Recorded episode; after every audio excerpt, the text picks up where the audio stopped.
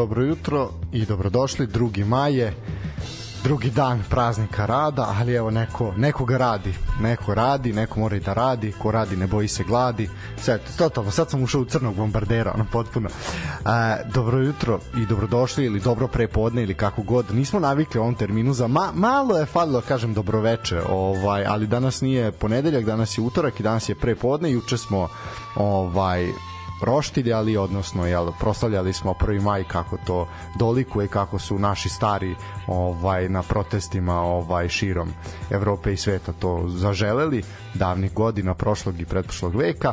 E sad, Uh, moj glas trenutno čujete, a Nikola će se pridružiti samo dok naravno tradicionalno otkloni sve probleme radničke klase koji su zadesili staru detelinaru i staru gradnju stare detelinare tamo negde u Stevana Divnina Babe 10 za one koji znaju, znaju čemu se radi a za one koji ne znaju to je jedno pre, predivno naselje u Novom Sadu još uvek možda jedno od poslednjih zelenih naselja da ovaj jedno divno naselje gde mi volimo da prođemo da ne budemo ovaj da nam neko ne počeše rebra nožem i tako nešto. Ali sa mnom danas u studiju. Jedna apsolutna legenda. Čovjek koji evo ne može da se suzdrži. Čovjek koji je bio naš specijalni izveštač i koji je mnogo pomagao dok ja nisam bio ovaj tu prisutan u državi. Čovjek koji je redovno obilazio ovaj Superliga naše superligaše i one koji igraju u Novom Sadu i van Novog Sada. A eto bio je sa mnom na derbiju za ligu šampiona na tom okršaju. Uh, jedan jedini neponovljivi suva eminencija grada Novog Sada, gospodin, veliki gospodin i drug Janko Fejdi. Janko, hvala ti što si došao i dobrodošao. Pa prvo da se zahvalim na pozivu i moram reći da mi je velika čast i zaista čast i to tako osjećam da mi je to čast i zadovoljstvo. Znaš, ono kad si me prvi put pitao da, da li želim da gostujem, ja sam te pitao zašto baš ja, ovaj, zašto stvarno ne mislim to što hvala ti još jednom, naravno svakome prijaju sve te ove, sve te, svi ti silni komplimenti koji si sad rekao. Lepe riječi, lepe to, to, to, to, na, ove, na moj račun, hvala ti još jednom, ali ove, zaista mislim, ne mislim nešto da sam ja nešto sad spektakularno uradio, jedino što sam uradio to je ta ljubav prema futbalu i malo više slobodnog vremena nego što sam očekivao da će imati u ovo doba godine samo zbog toga, tako da sam odlazio naravno da pogledam ovaj, naravno Vošu za koju navijam i, i mladost eh, sa satelita što bi se reklo. Ili s novog naselja. Ili s novog naselja, ja bih pre rekao da je to mladost sa naselja tako zašto je. mi koji smo rođeni u Novom Sadu ćemo uvek reći da je to mladost sa naselja nikad nećemo reći da je mladost sa satelita. Naravno ovaj, kako uvek sam voleo i dolazim inače i ja sa detelinare, naravno tu je i naš komšijski klub, e, radnički futbolski klub Novi Sad, koji takođe isto ove, naravno volim da pratim, tako da ove, nadam se da će i oni ostati ove, stabilni drugoligaši ili ti sada po novom prvoligaši, nadam se da će i oni uskoro se pridru, pridružiti i Vojvodini mladosti u Superligi. Pa vidi, čak neka šansa za to teoretska postoji još uvek da kroz neki baraž se dokopaju Superlige već i ove sezone, ali ovaj dosta teško. Ajde možemo reći kad smo već načeli temu prve lige eh, da je IMT zvanično Superligaš, eto traktoristima čestitamo. Ovaj nisu bili nisu bili u najvišem rangu takmičenja kad je fabrika bila u punom sjaju, a sad kad je kad je nema, ovaj eto momci su izborili plasman, svaka čast njima. Oni će eh, po onome kako su prijavili licence ovaj nadležnim institucijama ove fudbal, da kažem fudbalskim institucijama ove države, oni će svoje utakmice u Superligi igrati na stadionu Čukaričkog. Ja sam sada isto nešto pročito vezano za to. Nešto vidim da se pojavila neka informacija da su licencirali stadion Voždovca pored stadiona Čukaričkog ovaj, ekip. Ali ono šta moram da, da kažem, e, to je ono što mene užasno nervira u našem futbalu kako možete e, da trčite trku za, za Superligu, a nažalost nemate, ne, nemate teren, ne, ne, da. nemate teren, nemate infrastrukturu i mislim da je to užasan problem kod značajnog broja ove, naših Superligaša i to evo imamo primer da mladost, e, mladost igra Superligu, igra na stadionu Vojvodine i to se zaista sad već vidi na terenu samom ove, na travnatoj površini stadiona Karadžorđe gde se zaista vidi da je izraubovan teren i to i plašim se da sledeće sezone kada IMT bude igrao, da li bude igrao na Banom brdu ili bude igrao na krovu tržnog centra, mislim da će se to zaista primetiti i to trošenje terena i, i to je ono što smanjuje dodatno ka, ono kvalitet našeg futbala, što takođe opet moram biti korektan i pošten i reći da da se primeti da je ova sezona za sada ove prvi deo ove prvi deo Superlige zaista bio kvalitetniji u odnosu na prethodne godine. Jeste Zvezda tu odmakla dosta u odnosu na druge, ali zaista ovi 3, 4, 5 klubova kao što su pored Vojvodine naravno Čukarički i TSC kao su apsolutno hit, ali oni ne bih ja to rekao čak ni hit. To se vidi rad, kontinuiran i zna se ko pije, ko plaća, sistem. tako je u, tom, u, u tim klubovima i to donosi apsolutno rezultat i smatram da ta dva kluba moraju da budu svetli primeri kako treba da se radi u našem. Apsolutno, pritom i sam si, eto, naveo si taj primer uh, Čukaričkog i TSC, Čukarički i TSC nisu menjali trenere jedini uz radnički iz Kragujevca ove godine, tako da i to i to negde negde pokazuje, a ostali su menjali 2 3 4 neko bogami i više puta. Ovaj tako da mislim sve to sve to je nešto što nas krasi nažalost, ali mi ćemo sve to nešto i prokomentarisati. E sad Uh, i možemo krenuti onako polako redom. Ajde što se tiče tih licenci, to to sad mislim svakako je to bila jedna od tema, ovaj pa ćemo to kratko preći. Znači prvi pet ekipa Superlige Srbije dobilo je licence za učešće u evropskim takmičenjima. Uh, jedino Novi Pazar ovaj uh, nije, nije dobio, ali oni imaju pravo žalbe, ali ja mislim da Novi, Novi Pazar je da je trenutno u kanalu i da oni neće gledati gledati ka tome, tako da jednostavno sve ono što se desilo, nažalost, je ba, eto, pričali smo juče dok smo stajali u gužvi ovaj, na, bili smo iznenađeni. Janko i ja smo juče se uputili ka jednom eminentnom letovalištu ovaj, čuvenoj Fruškogorskoj rivijeri. čuvenoj, da ovaj, eh, New Hopovo gde smo bili iznenađeni brojem naših sugrađana ili ti nisu baš ni svi bili sugrađani, ali da, ljudi koji su prošli kroz naš grad ovaj u želji da eto proslave 1. maj i bili smo šokirani jer je na sva tri mosta koji Novi Sad ima je bilo situacija gazela 3 sata popodne.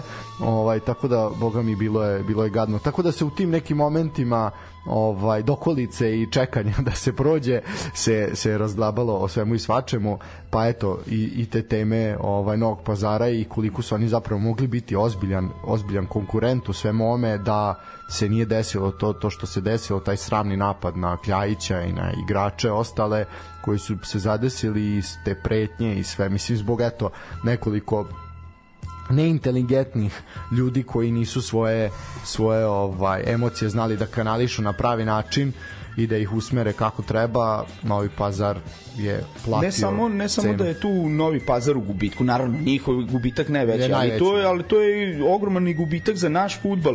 Sad zamislite da da Novi Pazar u poziciji u, u, da se otvoreno bori, ovaj što bi se reklo za Evropu i to bi im bio ono premijera bi im bila da igraju Evropu, da su ostali u trci i to je sad zamislite taj vr, zaista vreo teren u Novom Pazaru gde imate neki 7 8 9 hiljada ljudi na stadionu. Da. 8 8500 je kapacitet i sad zamislite znači to to bi gorelo što bi se reklo onako da. i i svako voli da igra u u, u takvoj atmosferi. Mislim, sad kad razgovarate, naravno da ljudi više vole da igraju i ako je to 8 i po hiljada ovaj, protivničkih navijača, svako to voli, jer opet ćeš i ti da daš, ja verujem ono, da sportisti apsolutno vole da daju, da im je to, da im je to motivacija, da, da se pokažu, evo, ok, super, napravili ste vruć terene, sad ćemo mi da pokažemo koliko znamo i umemo i od čega smo napravljeni. I zaista, mislim da je, naravno, Novi Pazar najveći gubitnik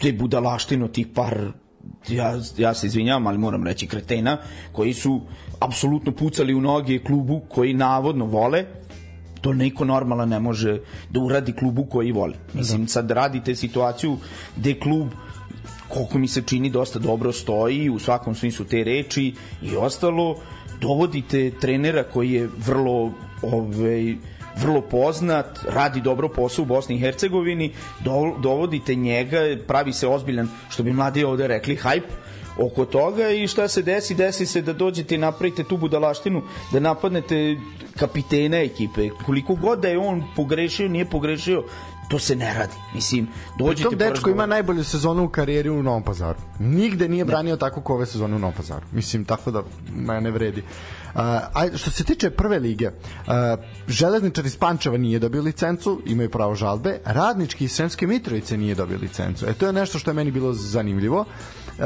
jedinstvo iz Uba nije dobilo licencu, iako oni kažu da su anulirali sve te nedostatke koje su, koji su navedeni. E, tako da za sada malo me to malo me taj železničar onako razočarao jer znam da su napadali i da su hteli ali eto i tu su se neki vetrovi promenili a sa druge strane Čedo podpredsednika Fudbalskog saveza radnički prvog sremski, prvog, prvog podpredsednika Fudbalskog saveza Srbije radnički iz Sremske Mitrovice koji ne stoji loše na tabeli uopšte ovaj nije dobio nije dobio licencu i to moram priznati da me iznenadilo, ali jasno je da oni da oni zaista nema infrastrukturu na koje bi koliko sam koliko sam nešto ove video oni su prijavili stadion u Bačkoj Palanci, pošto da. trenutno Bačka Palanka dosta loša, ne znam koliko, koliko su naši slušaoci i slušateljki ispratili, ali Bačka Palanka nažalost trenutno igra treću ligu, igra ovaj, Srpsku ligu grupa Vojvodine i ne stoje baš nešto sjajno. Ove, nažalost, lep je stadion. Stanislav ne s, s, Svetislav ja Svetislav Malin Maletin Vava Maletin da, da, Vava ti meni da biće po meni možda jednog e, dana ali da ali... e to to to ove, tako da zaista lep stadion žao mi je što Bačka Palanka mislim da Bačka Slavko Palanka Maletin Vava Slavko Maletin Vava ove, za, zaista ove, smatram da grad kao što je Bačka Palanka zaslužuje ove, da ima jednog prvoligaša više nego srpsko ligaša i to, a za Sremsku Mitrovicu eto imamo tog prvog podpredsednika fudbalskog saveza izmišljenu neku ovaj kategoriju i funkciju unutar fudbalskog saveza. Iskreno očekujem da će se nešto raditi, ali plašim se, to je ono što, što usud naših klubova, kada imate te lokalne, ajde, šerife ili kako god to već da kažem, da postoje 3-5 godina i onda kada te, te osobe izgube svoje pozicije u, u javnom životu u ovoj zemlji, naročito u politici, da ti klubovi nažalost se ugase, ne postoje. E to je ono što je veliki problem što se ne radi na bazi. Znači nemate nikakvu bazu, ne radite sa mlađim kategorijama i ostalo i to, i to naravno dolazi do toga da se potpuno taj klub ugasi pritom radnički iz Sramske Mitrovice klub koji ima skoro 100 godišnju tradiciju to su stari klubovi sa ozbiljnom tradicijom i to ok, tradicija na srpskom u, u nacionalnim ovaj, okvirima, okvirima nisu, da. nisu veliki, ali za, za grad kao što je Sramska Mitrovica i za Sramski okrug jesu Jeste, jeste, to je veliki klub sa velikom tradicijom.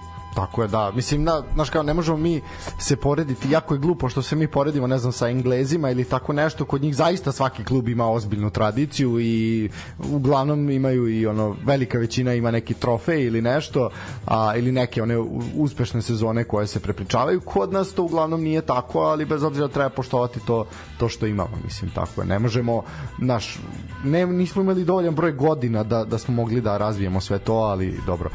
E, odigrano je 32. i 33. kolo, imali smo tu eto englesku nedelju, ovaj kako to sad svi nešto popularno nazivaju, ovaj ili naši naši susjedi su rekli engleski tjedan ovaj fudbala.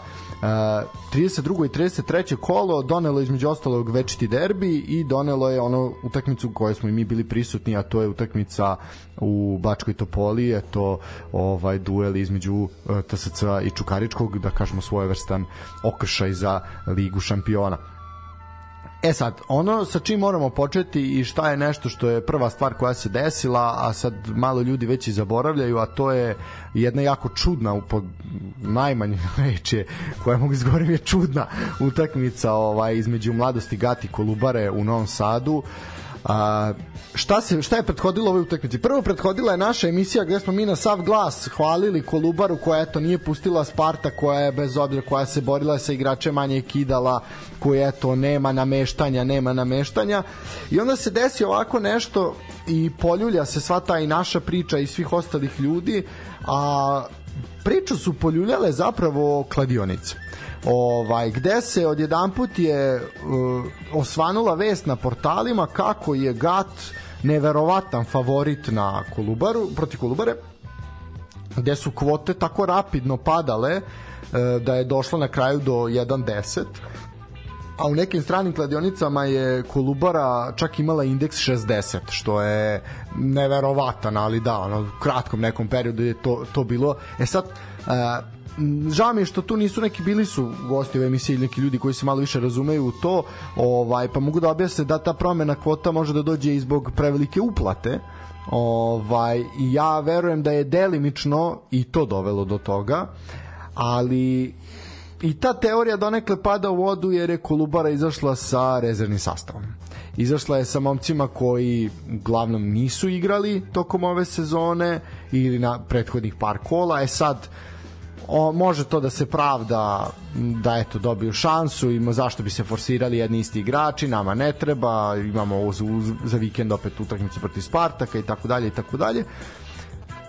Sve u svemu eto jedna čudna čudna utakmica gde jedan upitnik stoji onako iznad svega čemu, zašto i onako prva u nizu gde se malo gde se malo poljuljala ta priča o regularnosti. Pa ono ono što je najgore od svega što mi sada pričamo o tom povlačenju ajde da kažem povlačenju uh, igrača Kolubare meni je žao na primjer ekipe mladosti doveli su Lalata čuvenog Lalata koji je ajde, ja imam respekt prema njemu, iako je on čovjek sa upitnim trenerskim znanjima, ali bih rekao da je fantastičan motivator. Apsolutno. Apsolutno, fantastičan je motivator i ja verujem da ti momci koji igraju za njega u bilo kom timu, da on njima sada kaže, ljudi, ajmo sada da, što bi se reklo, ne znam, da oslobodimo Bahmut, što bi se reklo, i Krim, ovi bi rekli, ma šefe, ako treba trčimo do Habarovska, ako treba, nije nikakav problem, znači oslobodit ćemo ovaj, kako se zove Habarovsk, tako da ja, ja ne, žao mi je ovaj kako se zove zato što on stvarno čovek mislim vi sad kad gledate sa strane on, on stvarno učestvuje 90 minuta on, on učestvuje absolutno. u igri. Ajde to što ali i taj njegov pristup prema svim igračima to je kao stari brat znači kao stari brat koji gleda mlađeg brata koji ima veći potencijal od njega i, i on mu govori da radi sve ono što on nije uradio i zbog čega nije postao vrhunski igrač. I to pali. I ja kažem ovaj kao da, i zaista mi je žao što mi sada moramo da pričamo o tome e, poziciji Kolubare, da li Kolubara radi to ili ne radi. Ono što je ali ono što je još gore od svega, pričali smo nas dvojica, on, tri, mi smo imali prvi deo, taj regularni deo da. E, šampionata od 30 kola, gde zaista niko nije nikom nije palo na pamet jer jednostavno nije bilo situacija da vi komentarišete. Nisi da, mogao da upreš prstom ni u jednu utakmicu da apsolutno. da sve utakmice koje su bile ono evo ja gledam na primer Vojvodina koliko god da je Partizan bio u kanalu Vojvodina je pošteno izgubila pr, u prvom delu sezone izgubila 4:0 ili 4:1 više se ni ne sećam. Ubijani su pa, pa, znači Partizan bio dramatično ozbiljniji na toj utakmici to takođe isto sad imate utakmicu ovde u Novom Sadu gde je Vojvodina pobedila 2:1 gde Partizan nije znači postoje na toj utakmici. I sad i, i onda počinjemo play out i play off gde vi u play offu imate ozbiljno pod znake navoda klanje između ove, timova koji igraju koji igraju u Evropu, koji se takmiče za nešto, a ovde dolazite u situaciju da u prva dva kola tri poslednja tima imaju, u prva dva, tri kola imaju sve pobede. Mislim, pa malo je bez veze. Malo je bez veze. Stiglo je samo jedno pitanje, kako je Lalat upitnog znanja, a doktorat sa desetkom u Nišu? doktorat doktorat je doktorat, slažem se, ovaj, stvarno ih je ovaj, vrhunski vrhunski ih je dobio, sla, ono, nema tu greške, ali to je ono što ste vi pričali u prethodnoj emisiji, ovaj, proklet bio izdajica svog glavnog trenera, slažem se i to mislim da je Nikola bio spomenuo e, učitelj je pobedio svog učenika i pokazao mu je ipak ko je Baja, to je broj 1, a broj 2 verujem da je jači ipak bio taj motivacioni moment gde je rečeno, e, slušaj, sad imate da izginete za mene, ili ću vas ja ovaj kaže ili ćete ići peške za Novi Sad, tako da mislim da je bilo taj moment, e, coach, sad ćemo za tebe da poginemo i idemo da oslobodimo Bahmut Krim sve do Habarovska, tako da... Da, reci Lale, samo reci letećemo kao da, meci, to je to. I veliki pozdrav za, ove, za Nenada Lalatovića, ove, tako da zna on da ga mi volimo. Apsolutno. Tako da. Ovaj, tako da, jedna čudna utakmica, uh, Gati pobedio sa 1-0, Maksimović je bio strelac iz penala u 31. minutu, penal nije upitan uopšte. Uh, eto, zanimljivo je reći da je taj gol Maksimovića prvi gol koji je postignut u evo tri međusobna okršaja ove dve ekipe. Znači ti si bio na toj nesrećnoj utakmici 0-0 koja se odigrala ne tako davno. To je bilo nešto tipa da 27. 28. kolo, tako, tako nešto je bilo. Da bilo. Ove, zaista na toj utakmici tu je isto Lalat imao, ove, ali s pravom bile su tu dve, tri situacije, s tim što je jedna zaista bila jako sumnjiva, vezano za taj penal koji nije dosuđen ovaj, čak e, glavni sudija na toj utakmici nije ni hteo ni da gleda ovaj VAR, on je dobio instrukcije iz VAR sobe, ali jednostavno nije hteo da to proveri. Žao mi je, ovaj, ali definitivno, na primjer, može da se vidi razlika, opet ponavljam, e, sad će zvučati da ni podaštavamo pobedu i, i trud i da, znanje da, igrača mladosti da. što apsolutno nam nije ni ideja, ni želja, ni volja to da radimo ali se zaista primetila razlika da vi na primjer na toj utakmici 0-0 gde mlado zaista ništa nije mogla na toj utakmici ono da jednostavno absolutno. ovi su se postavili mislim da su igrali još dva dana nažalost mladost ne bi dala go na ovoj utakmici vidi se vidi se da, da je Lalat imao više vremena da iskomunicira sa igračima, da postavi igru i to, ali dalje imam taj neki grč u stomaku kada spominjemo ekipu Kolubare. Ne znam, nešto se tu dešava što nije baš. To ćemo kad budemo da. prošli i naredno kolo, pa možemo prokomentarisati njihovu utakmicu sa Spartakom iz Subotice ili što bi rekli u Subotici sa Spartakom. Tako da ovaj ne znam, stvarno imam sad neki ozbiljan grč i nekako od ekipe koja mi je bila jako zanimljiva zbog igrača koje su doveli Ante Vukušića i ostalih, koja je bila jako zanimljiva i ostalo, sad već imam neki čudan osjećaj da, u stomaku, da, da, da, da. Razumem te potpuno. E sad, ono što ću ja samo reći, idemo dalje, da je ovo bila četvrta vezana utakmica bez poraza Gatovaca i to čak bez primljenog gola. Eto, Kolubara je upisala još jedan poraz, to neće uticati na njen superligaški status. Uh, I imamo izjavu Nenada Latovića koji je rekao, mnogi su nas prerano otpisali, ali ovaj lav uvek ostaje kralj.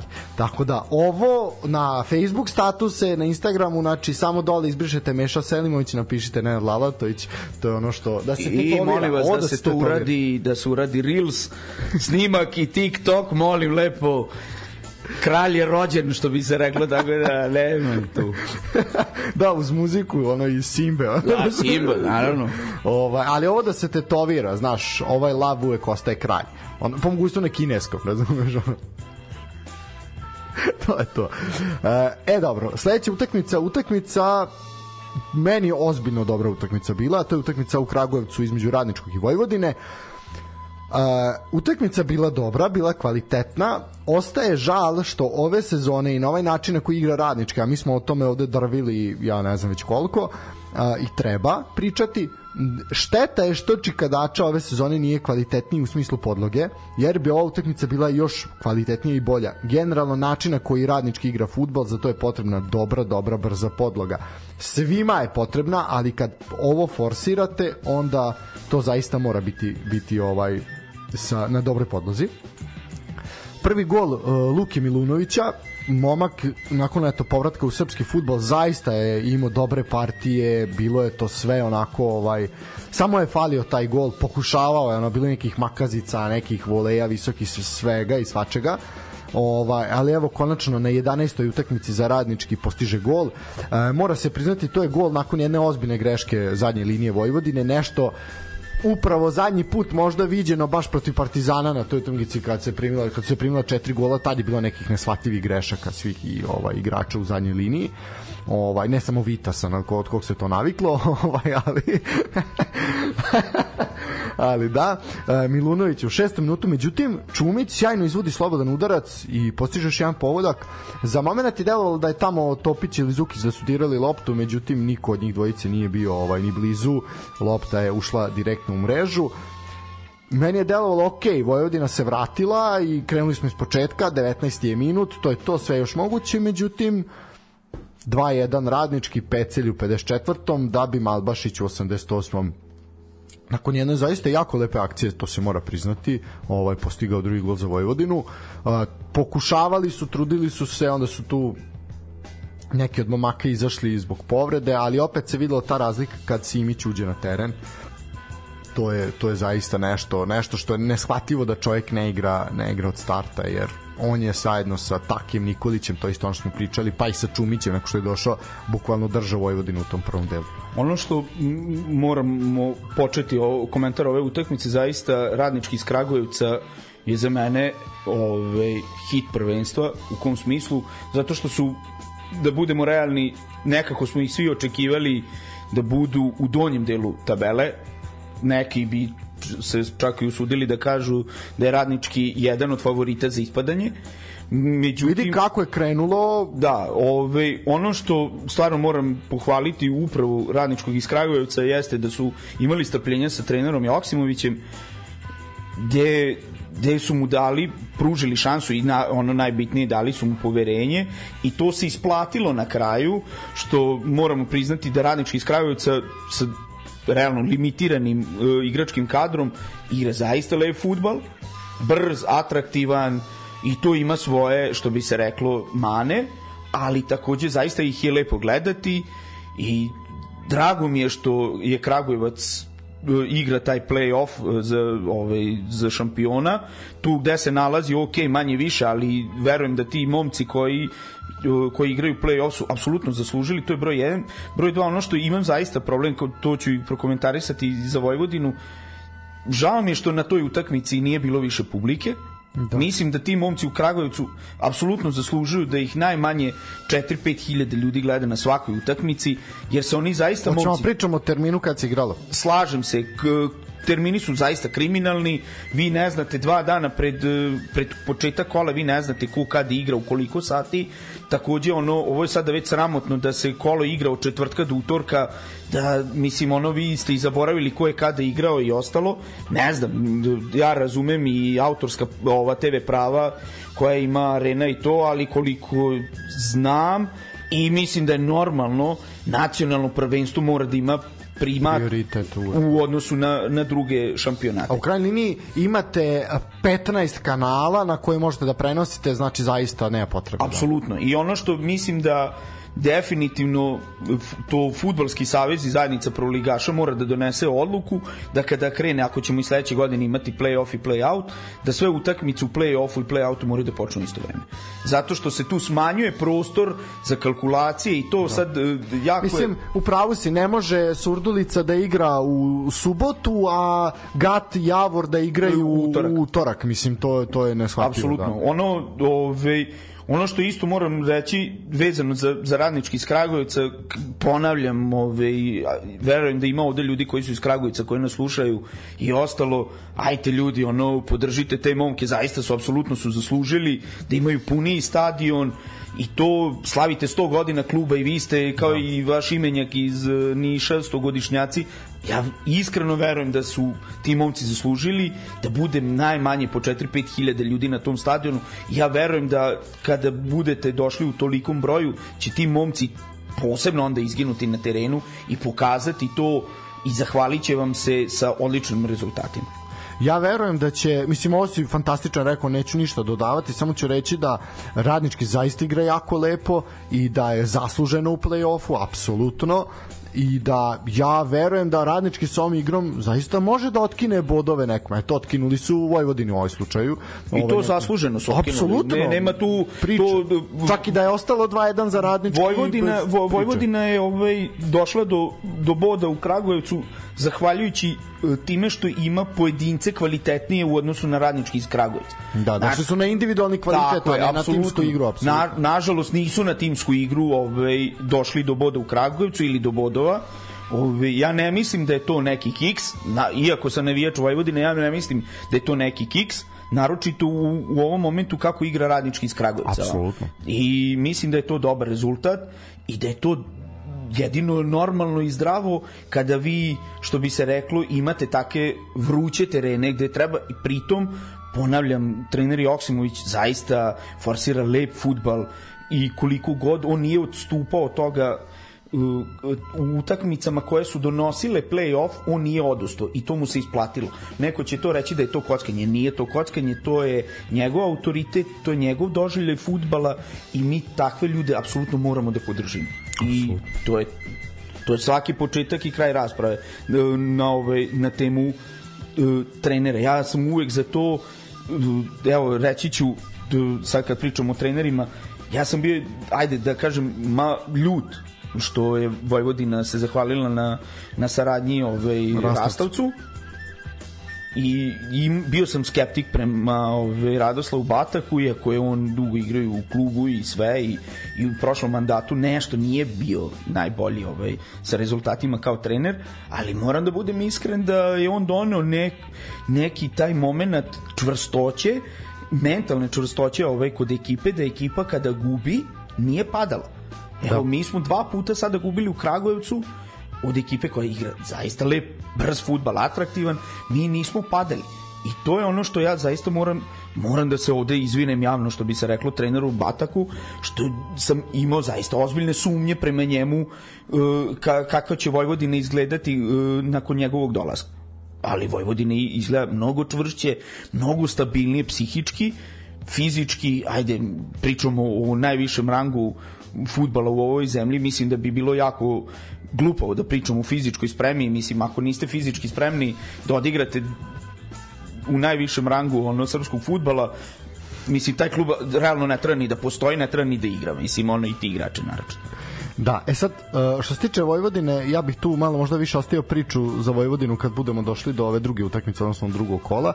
Uh, ono što ja ne bih nešto posebno trošio reči, to je utakmica u Novom pazaru koja protiv između Novog pazara i Voždovca koja se igrala onako za prestiž može se reći 0-0 bilo je tu nekih šansi i poništenih golova na kraju je Voždovac golom Burma za u 92. minutu slavio sa 1-0 druga uzastopna pobeda Voždovca eto u tom momentu a Pazarci su vezali treći, treći poraz rekli smo sve o pazaru, o Voždovcu nema šta, momci igraju za prestiž, pokušavaju tu da se nametnu, ko će ostati, ko će biti prodat, njih čeka zaista jedna onako burna, burna transfer pijaca na završetku sezone. E, dosta mlada ekipa, vidjet ćemo tu šta će se, šta će se dešavati. Mislim, Novom Pazaru smo sve rekli, ja tu više ne bih trošio reči, osim da je puštena ta tribina koja je renovirana, puštena je u promet. Šteta što se ovo igralo u idiotskom terminu, da niko nije mogao da dođe na tu tribinu, ali dobro. Ovaj, ali eto, imali smo paralelno dve utakmice da se igrale u isto vreme, a to je utakmica na Čikadači i ova na Jazz Coin areni u Novom Pazaru. Uh, sve to je bilo predvorje i onako pred svitanje 170. večitog derbija između Partizana i Crvene zvezde i eto vrlo slično onome što se za vikend desilo u, na vječnom derbiju u Hrvatskoj između Hajduka i Dinama a, ovi koji šampioni su gostovali jel, ljutom rivalu i viđeno je apsolutno ništa.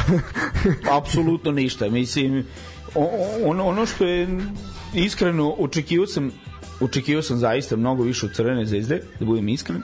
Ove, taj moment, nažalost, u kom se Partizan nalazi, jeste, ove, mislim, moramo biti ove, realni, iskreni. Ove, Partizan se nalazi u ozbiljnom problemu. Da li je to tema koja se zove problemi u sportskom društvu, gde vi imate situaciju da košarkaški klub i ovim putem bi želeo ovaj, da poželim svu sreću i ovaj, da Partizan večeras u, u trećoj utakmici play-offa košarkaške Eurolige zaista pobedi ovaj, ove talibane moram reći tako iz iz Madrida Ove, nadam se da će otići u Final Four, iskreno ove, smatram da je to dobro.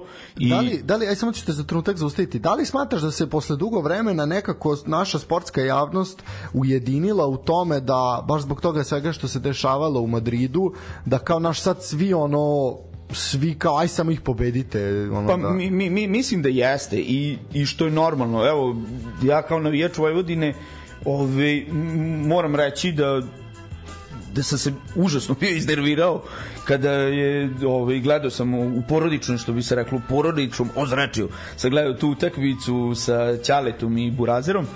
Ove, inače Burazer je ono navijač Partizana kod nas su to tako podeljeno Ćale ja za Vošu a Burazer za Partizan. E, baš sam se bio iznervirao i rekao sam ajde sad ih ono razvalite ono znači kad dođete u Beograd znači ono razvalite ih. Jer jednostavno sam osetio taj moment e, e to je ono što ja kažem kad Partizan i navijači Partizana i Zvezde ne razumeju kada Vojvodina tuče jedne ili druge. Znaš, e, koliko god je Partizan manji klub uslovno, ja ne mislim da postoje mali i veliki klubovi. Svaki klub je velik, mislim.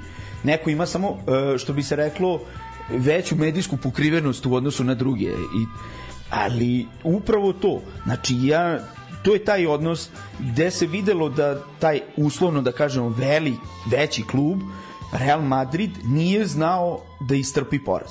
I to u dve utakmice gde je Željko Bradović zaista postavio na mesto Ćusama, ovaj, Ćusa Martinez, kako se zove, trener Real Madrida, zaista ga je postavio na mesto i rekao, alo, dečko, skloni se, sad da vidiš kako se igra košarka i mislim da je ovaj, zaista mi je drago što je ovaj što je Partizan pobedio u prve dve utakmice, iskreno se nadam i verujem da će pobediti ove večeras i da ćemo imati o, klub u Final Four.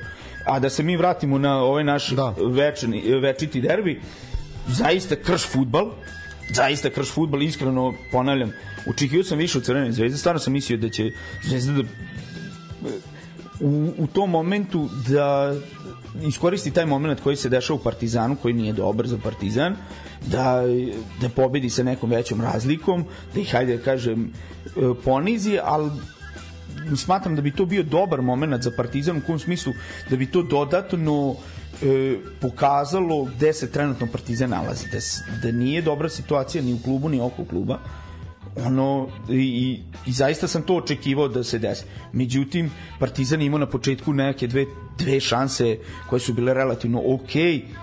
Nakon toga je kao Zvezda to zatvorila, to je bio ni, ali zaista nikakav futbal, pritom je to izgledalo tužno uh, na praznom sta, da. na, na, zaista na ono Partizan je pod kaznom, tako da Ove, ne, ne, ne znam, mi, mislim da bilo šta da kažem vezano za tu utakmicu sam više od ovoga je Nije. samo trošenje vremena. Da. Ja, uh, ja ću reći da je ovo prvi duel ova dva, ova dva rivala pardon posle 14 godina odigran u Humskoj ulici da je bez pogodaka. Uh, Od poslednjih devet večitih derbija Crvena zvezda je u svoju korist rešila 3, šest je okončan podelom bodova, dok je Partizan u tom periodu bez triufa. Partizan je poslednji put pobedio u, de, u septembru 2019.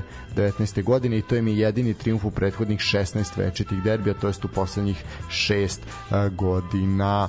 Uh, što se tiče utakmice, Crvena zvezda nije bila nešto silno motivisana, to je ono što si ti rekao, ja ću to dodati. Partizan jeste imao neke šanse, uh, mislim da mislim ne mogu reći možda je tu bilo nešto i sa zvezdine strane ali ništa to sa nešto kolosalno eto plaču svi nešto za tom šansom Jovića.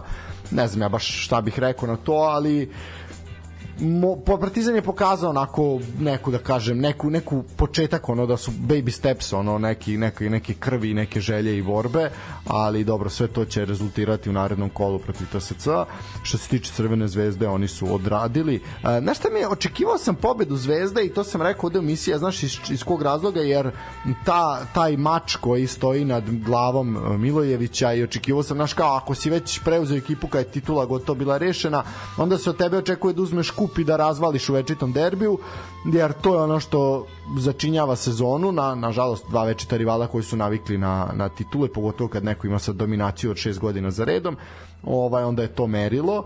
Uh, međutim, nažalost je to merilo, to ne trebuje tako, to smo pričali milion puta. Uh, međutim, eto, iznenađen sam, iznenađen sam rezultatom, nula, mislim iznenađen, ni samo očekivao sam 0 do 2 i to smo svi pričali, ali negde sam se potajno nadao bude golova, međutim, kao i evo, hiljaditi derbi već Evo sad si da. tu baš bio spomenuo trenera, trenera Zvezda Milovića.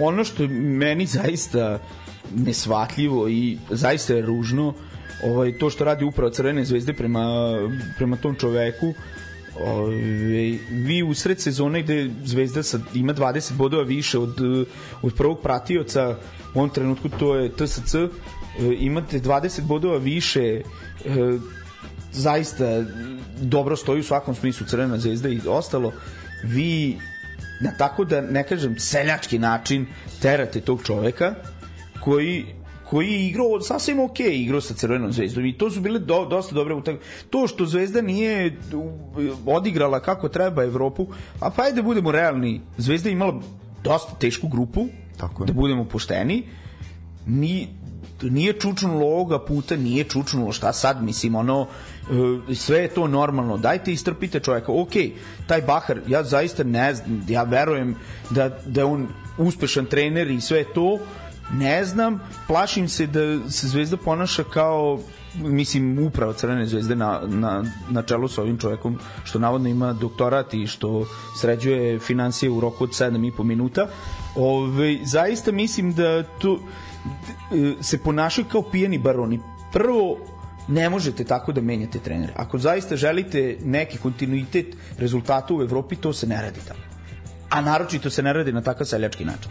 Mislim, ja se izvinjam svi navijačima Crvene zvezde, ali način na koji... Ali što najgore, navijači Crvene zvezde isto to razumeju, razumeš? Da, Mi... oni, oni koji malo razmišljaju e, glavom, da. Ove, ok, ja iskreno kao i svakom čoveku, mislim, to je njegov posao. Naravno da želite svakom čoveku, sem ovih, naravno, plaćenih ubica i ostalo, da, ove, ali, naravno, ako pričamo o treneru, naravno da mu želimo apsolutno svu sreću i da Vojvodina, što bi se reklo, pobeđuju zvezdu i sa Baharom i to, biće malo teže, ali mislim, ja kažem, uvek se postavite sebe, ono, kako biste se vi osjećali?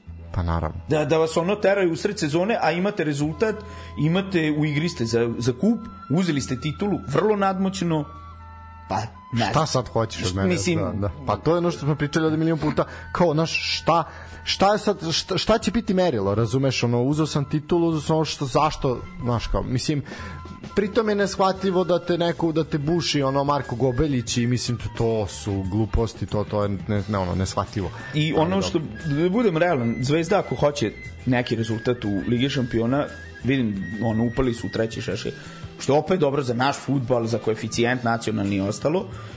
Zvezda definitivno mora da, da menja značan broj igrača oni sa ovom ekipom pogotovo Absolutno koja je i ove godine da... se namučila ovi idu stariji Kataj je sve stariji sve to na Kat, počeš od Kate evo da počnemo od, od golmana. Borjan svaka čast je... Borjanu. Borjan je što bi se reklo njegov rok upotrebe je prošao rok trajanja apsolutno je prošao. Toliko kikseva i svake godine sve više da tako da, je. to... ove, ono da se treba mu se zahvaliti da je imao sjajnih sezona. Imao je ona sezona kad su igrali sa Kopenhagenom i to i protiv Salzburga i sve je to okej, okay, ali dečko, žao mi je, već imaš i godina i ostalo, žao mi je, trebalo bi da ti se zahvalimo na ovaj, kako se zove, na, na saradnji i to mislim, ajde da budemo pošteni, ako, ako Bahar ne bude bio tu i menadžer u, u, u onom engleskom smislu, sportski da. direktor, Pa ja nisam siguran da će Crvena zvezda napraviti neki rezultat u Evropi. Mislim, ok, igraće, biće, igraće Ligu šampiona, biće u trećem šeširu, znači svako realan bi normalan, što bi se reklo, očekuje da Zvezda najmanje bude treća u toj grupi. I da, da nastavi dalje Ligu Evrope, da. Tako je. Vidjet ćemo. Uh, što se tiče Partizana, njihova borba tek predstoji, samo ćemo reći da je ta kazna koja je dodatna kazna izrečena. Partizan će, pored utakmice, odnosno koje je već odigrao protiv Crvene zvezde, utakmicu protiv Novog pazara igrati pred praznim tribinama, takođe će bez podrške navijača na gostovanjima TSC-u i Vojvodini, kao i moraće da uplate 700.000 dinara u kasu Futbolskog saveza Srbije. Uh, utakmica dalje, idemo malo opet u play out, mlado slučani napredak, nećemo puno odrviti ovome. Uh, mnogi su očekili, eto je sad ona priča kad smo pričali, a svi sad koji su posljednji na tabeli svi od jedan put pobeđuju i svi su rekli, ma Lučani će dobiti napredak, ovaj napredku ne trebamo tamo. Međutim, uh, napredak nije tako mislio i pobedio je u Lučanima 1-0, tako da eto mnogi su očekivali da Lučani nakon done pobede u Lazarevcu iz 31. kola da eto to sad urade i na domaćem terenu, međutim napredka su fudbaleri napredka su zaista odigrali poštenu utakmicu onako za dres i grb i ono baš srce na terenu, sve ostale druge floskule. Uh, Đorđe Jovanović je postigao postigao svoj gol u posle godinu i po dana posta u Superligi Srbije, tako da ovom mladom momku čestitamo, a napredak je ovim triumfom o, i matematički miran što se tiče ostanka u Superligi, a Lučanima, boga mi, paklene, paklene utakmice slede. Što se tiče mladosti iz Lučana, ove, nekako imam simpatije prime njima, dugo su, dugo su ove, u, u, u Superligi već ono skoro 30 godina, ajde, nije baš 30, ali negde u 97. 8. godine su oni negde u, u, u, u prvoj ligi i imali su finih igrača koji su ono dosta njih igralo i za Vojvodinu Ovi, to i nekako imamo, ajde, neke simpatije prema njima, međutim ono što se dešava i ono što su uradili Čika Kosanu, mislim da je primer ono tog seljačkog mentaliteta koji da, palanačkog da, da, ovaj da. palanačkog ali ne ovih iz Bačke Palanke da. čisto da se razumemo ovaj nego zaista mislim e to je ono što ubija fudbal i nekako te ljude koji hoće što bi se reklo da gledaju naš futbal, užasno iznervira. Ok, dovedeš nekog čoveka da li se on zvao Milorad Kosanović, da li se zvao Stanislav Malin ili se zvao Janko Fejdi, nebitno. Nenad Lalatović. Ne možete čoveka držati 20 dana da vam bude trener, ne može. Nije bio mislim, ni 20 nije... da, ali mislim da, da, ne nebitno, da, da. Mislim, držite čoveka, pritom čovjek ima ozbiljno ime. A i godine. Ima i godine, ali onda se to ne radi tako, onda ne zovete čoveka koji ima godine, nego čoveka koji ima godine, u Novom Sadu je Znači, vi njega dolazi, do, dolačite iz Novog Sada i onda posle 20 dana kaže, ej, prijatelju, da se mi ne ljubimo. Pa ne radi se to tako. Znači, ne zovete čoveka, nego kažete, ok, jer imamo nekog u koju komšiluku ili ko je mlađi, ko ima energiju, koji tu energiju može da prenese na teren, to se tako radi, ali to tako seljački, ali to je to, mi smo takvi, ove, volimo da budemo ne, ne znam, u stvari, e, znamo šta nećemo, ali ne znamo šta hoćemo. Da. I to je ono što ubija ovo društvo u svakom smislu te reči. Apsolutno, a preslikava se i na sport. Uh, e sad, utakmica u Subotici Spartak Javor, uh, možemo odmah povezati sa ovim u Lazarevcu, pošto eto Spartak je odigrao dve, dve dobre utakmice.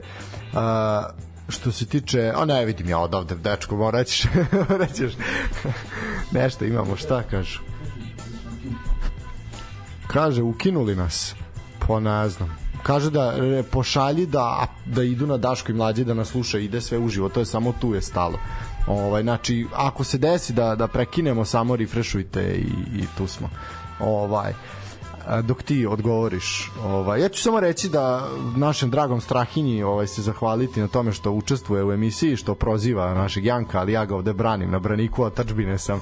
Tako da samo moramo da pohvalimo ovaj kao za našeg druga Strahinju, koji je isto eminentni fudbalski stručnjak što bi se reklo, tako da Da, cilj je cilj je da ja ova epizoda sa Jankom bude slušanija od one sa Strahinjom.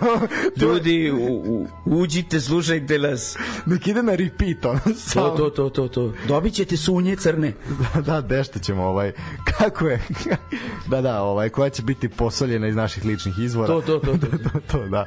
Uh, Spartak Javor, 3-2, zaista, borba klanica, borba za ono, goli superligaški život, uh, utakmice kakve zaista želimo da gledamo, uh, baš je gorelo je i bilo je puno preokreta i svega.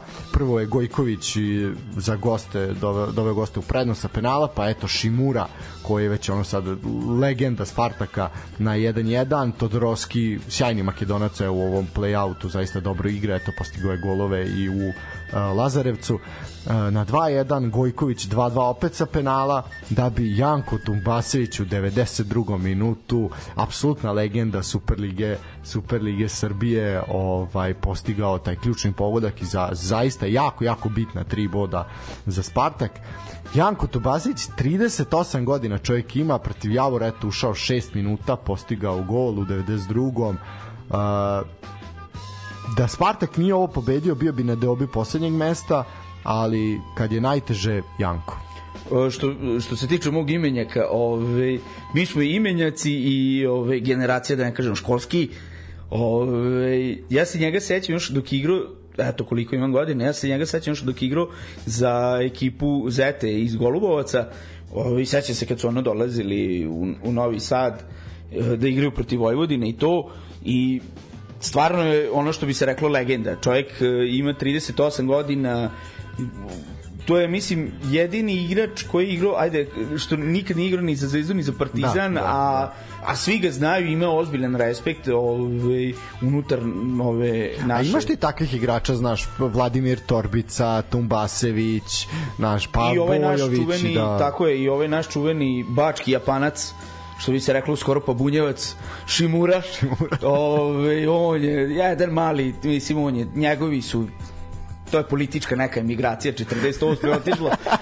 Su njega poslali sa Salaša tamo sa severa Bačke. Kad je rekao ne Titu kad je rekao ne Titu i onda su njega mislim sad nebitno da širimo priču. Zapravo on je Šimurovački Šimurova, da, da, mislim to je jedna stara bunjevačka japanska porodica ovaj, sa severa Bačke. Ovaj, stvarno mislim to su legende ovaj, na, na našeg futbala naročito ajde pričamo o Spartaku i Subotice Ove, ja mislim da tom čoveku treba zaista mislim kad ove, ode čovjek u zasluženu penziju, mislim da mu stvarno ono, klub kao što je Spartak zaista mora da mu se zahvali najma njemu u Torbici to su zaista legende. Znači momci koji su desetak 15 godina igraju u, u Spartaku i mislim da su apsolutno zaslužili da dobiju ove minimalno neke table ove na na stadionu u Subotici a što popularni vid dresovi što se uramljuju e, da, ili ili tako. Ove a što se tiče Janka Tubasića naravno Janko Tubasić je apsolutna legenda ove i to i kao što je na primjer Novica Maksimović njega smo zaboravili da, da. spomenemo ovaj tačno se vidi da vidi se da su igrali u većim klubovima, igrali su i Evropu i tačno se zna i tačno se vidi kod njih da znaju kada treba da se stane na loptu, kada treba da se odigra nešto ili na primjer da se e, što bi se reklo malo intenzivnije porazgovara sa sudijom ili šta već. Tako to to se isto vidi i kod Janka Tumbasića da, da je apsolutno kapiten u onom pravom smislu te reči, e, ovaj, da ne kažem vođa e, ekipe Spartaka, tačno se vidi. I drago mi je zbog njega što igra, nadam se da će Spartak ostati u ligi. E sad, šta će biti, Ne znam, vidjet ćemo. Treba, ajde, možemo odmah se nadovezati na to da je Spartak dobio Kolubaru 3-0 u, u Lazarevcu. u Lazarevcu. A ovaj put Kolubara je izašla onako u redovnom sastavu, da tako kažemo. Uh, međutim, Spartak je bio mnogo, mnogo bolji, imao je više šansi, više pokušaja. Moram samo istaknuti jednu stvar, a to je da je Kolubara imala ozbiljnu šansu za 1-0 u prvom polu vremenu, ovaj mali ovaj brat nesvrstani brat nesvrstani da jako mu je komplikovano sad ne mogu nešto nešto da, z. nešto naći ćemo za ne ne ne vred neću da lupetam. Ovaj i imao je ozbiljnu šansu na jedno 6-7 metara gde je golman Spartaka zaista fantastično reagovao tu, tu nema priče. Ovaj i nakon toga su usledile i stative i na kraju i pogodci ovaj momaka u svetloplanim dresovima. Tako da Spartak šest bodova uzima jako bitnih šest bodova i onako malo se tu izdižu, doći ćemo i do te tabele kad to sve se sabere. E sad ono što ću samo reći da završimo ovu priču, a to je Janko Tubasević je u dva navrata igrao za Spartak, 64 utakmice, prvi gol za Spartak. Boga mi iznenadio sam se. Ovaj, baš mi iznenadio ovaj podatak. Ja sam mislio da je on, ok, on je naravno takav tip igrača koji ne daje puno golova, ali da. nekako mi je stojalo u podsvesti da ovaj, baš mi iznenadio sa ovim podatkom da mu je to ono prvenac u, u dresu u Subotičko Spartak. Da, uh, što se tiče ove utakmice u Lazarevcu imao je čak i tu Tombasić jednu ozbiljnu šansu ovaj malo smo ti ja to pogledali zajedno međutim eto na makedonski pogon što bi rekli ovi sa Mozart sporta Todorevski i Toševski su ponovo ponovo ovaj bili strelci uh, i onako jedan blitzkrieg Spartaka 44. pa 53. minut i tu su potopili Kolubaru Kolubaru potpuno tako da eto negde negde tim za koji smo mi odavde baš onako emotivno vezani a to je Spartak i baš onako volimo da ih vidimo tu tu u Superligi. E sad, u Strahinja, ovaj moja lepša polovina i bolja i sve, jel, ovaj u superlativnom odnosu na mene, e, Janko i ja smo se uputili e, put Bačke Topoje, ovaj gde smo e, teli da ispratimo duel između TSC i Čukaričkog okršaj za ligu šampiona kao što sam već najavio, a u tom negde periodu se pra, odigravala utakmica u Surdulici na Surduličkoj bombonjeri između dva bratska kluba ovaj u najmanju ruku. Braća Tončev su imali još jedan okršaj, radnik protiv radničkog iz Niša, bilo je 1-0 za uh, Surduličane. Uh, velikog li iznenađenja. Velikog iznenađenja, da, i to je sad ono što se opet uh, opet ovaj postavlja pitanje mada uh, radnik zaista već evo pa od drugog dela sezone od kako je došao Slavljub Đorđević igra zaista zaista dobro i sad to je ovaj kaže Strahinja ispalo je da sam ja tvoja lepša i bolja polovina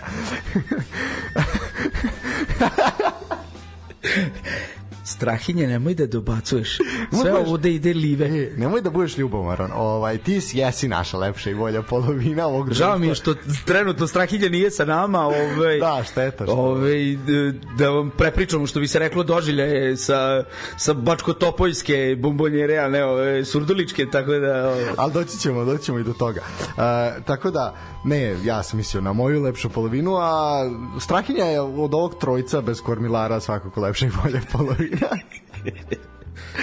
znači ako on 50% njima smeta zato što se ja oblačim u Milanu da, Milanu, Minhenu Amsterdamu i tako to njima smeta osetim ja taj dašak ljubomore ali drago pučanstvo i dragi slušatelji ja vas volim i dalje u 70. minutu Abu Bakar je doneo tri boda za Surduličane. Uh, Niš to ne ozbiljno, Niš može da napravi sebi problem i već ga pravi. E, ta priča sa Šarcem i sa svim tim onako deluje da se to dolazi debelo na naplatu, da kad je ono što je Lalat pričao, deluje da je to sad zaista tako. Ono što se, što se meni čini vezano za radnički, za radnički iz Niša, e, definitivno ono što je veliki problem u tom klubu, što mi imamo tog no, no, Tončeva i tamo se zaista ne zna se ni ko, ko pije, ko plaća, ko šta radi, zbog čega radi i ostalo. Mislim da je to sve ono što bi se reklo taj moment i sve se dešava bez ikakvog plana i programa, sve se dešava ad hoc i to definitivno tre, de, definitivno se vidi da postoji problem u tom klubu i ono što je isto jako veliki ovaj, problem problem o, što je zaista primetno Radnički iz Niša je trenutno najloša ekipa u, u Superligi. Ove, žao mi je, imali su zaista lepu proslavu i on putem bi im čestitao stogodišnicu kluba. Zaista su lepu proslavu imali i ono i na tvrđevi i bakljadu i na stadionu i na tvrđevi i veliki koncert u centru grada. Žao mi je, ove, ali definitivno se vidi da tamo se ne zna zaista ko je glavni i zašto je glavni i ko kome podnosi raport, što bi se reklo za, za situaciju u klubu i ne bih se iznenadio da radnički ispadne u svojoj ove, u jubilarnoj godini da ispadne iz Superligi, zaista se ne bih iznenadio, jer ono što se zaista vidi u poslednjih par kola i pre ovog play-outa, definitivno radnički iz Niša je najlošija ekipa, u najlošijoj formi, ajde da kažem tako. i ono što mi se isto čini da je e, se prebacila ogromna negativna energija prema radničkom zbog e, te situacije sa Šarcem i, Lala, i Lalatom. Zaista se primeti i vidim da su nekako ljudi stali više na stranu Lalata nego što su, ajde da kažem, podržali Šarca u njegove odluci. To je njegova odluka i mi moramo to da poštujemo. Koliko je ona bila pogrešna ili ne. To moralna vreme... ili nemoralna, Tako to je, je druga Ali stvar, to je da. njegova odluka i mi sa time moramo da, da, ovaj, da se pomirimo. U Karolini nije Šarac sam sebi dao ugovor. Tako je. Mislim da... Neko je došao i rekao da li ti želiš da ostaneš ovde ili ne želiš kao prvi trener. To nije on sigurno, to upravo to što si ti rekao, nije on došao, e, ja da budem trener, ne, mislim, nemojte tražiti nikog. Ovo, naravno, do toga nije bilo ništa, ali čini mi se da se prebacila ogromna količina negativne energije prema, prema tom klubu i ponavljam, evo, 16. put već kažem, zaista se ne bih iznenadio da Superligu u svojoj jubilarnoj godini napusti radnički iz Niša.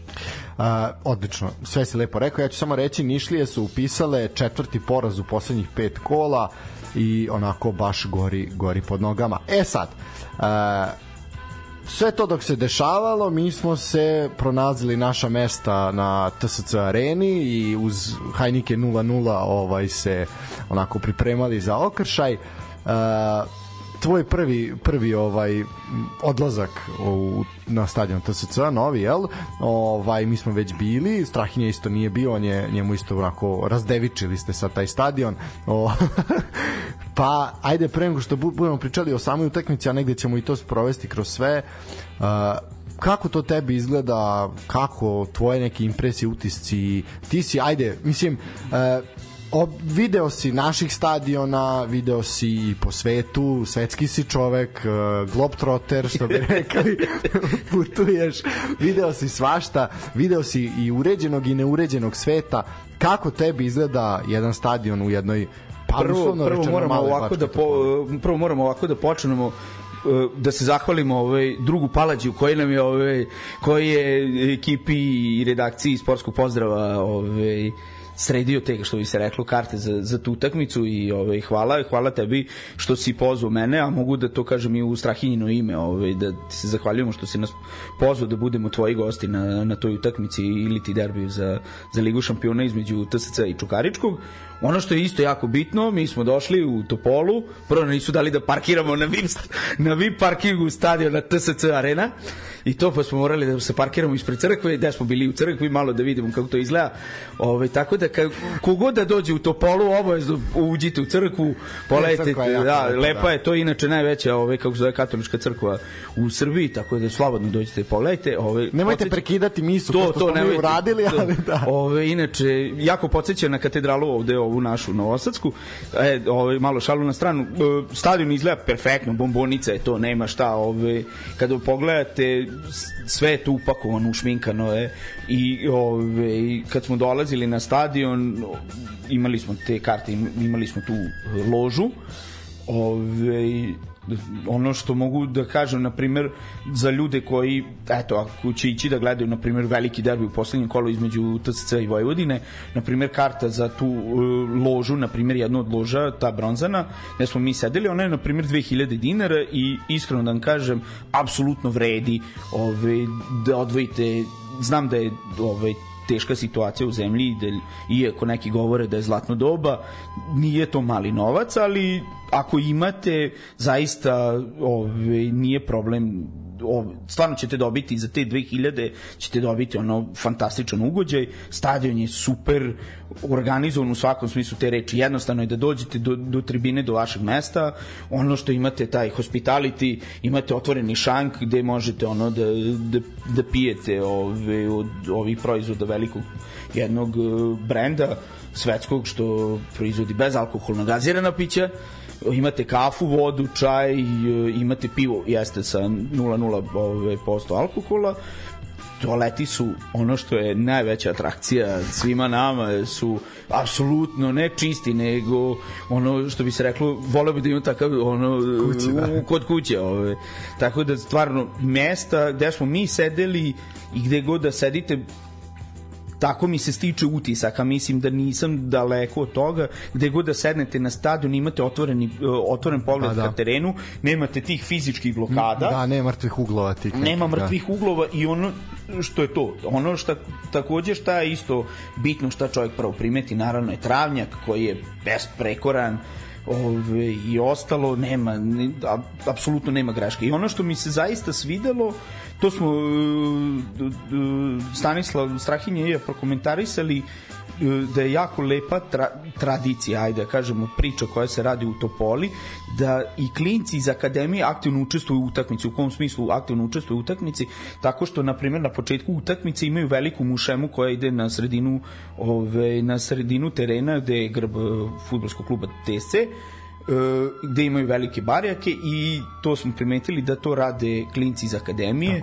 i to je jedan od super momenata koje ja apsolutno podržavam gde vi dovlačite klinci iz svoje škole da budu aktivni učesnik u utakmici gde onda oni imaju taj osjećaj da su deo kluba u svakom smislu te reči i to zaista moram, moram da pohvalim. Takođe isto što moram da pohvalim e, kvalitet internet signala na, na samom stadionu koji je perfektan Ovi, tako da nema nikakve zamerke, mislim, počeš od samog ozvučenja na stadionu, e, svetlosnih efekata na gde vam se reflektori pale ra, ono rade ljudi light show tako da nema nikakih nema nikakih greški i stvarno ovim putem čestitam ljudima u Topoli. Ove, prvo da im se još jednom zahvalim za, za karte i za ugođaj, ove, a stvarno što se tiče stadiona, mislim svaka čast i mislim da svi klubovi u Srbiji trebalo bi nekako da teže. Nadam se da ćemo imati priliku da odemo u komšijski Osijek, Absolutno, da, da, da posetimo ovaj njihov novu Pampas arenu.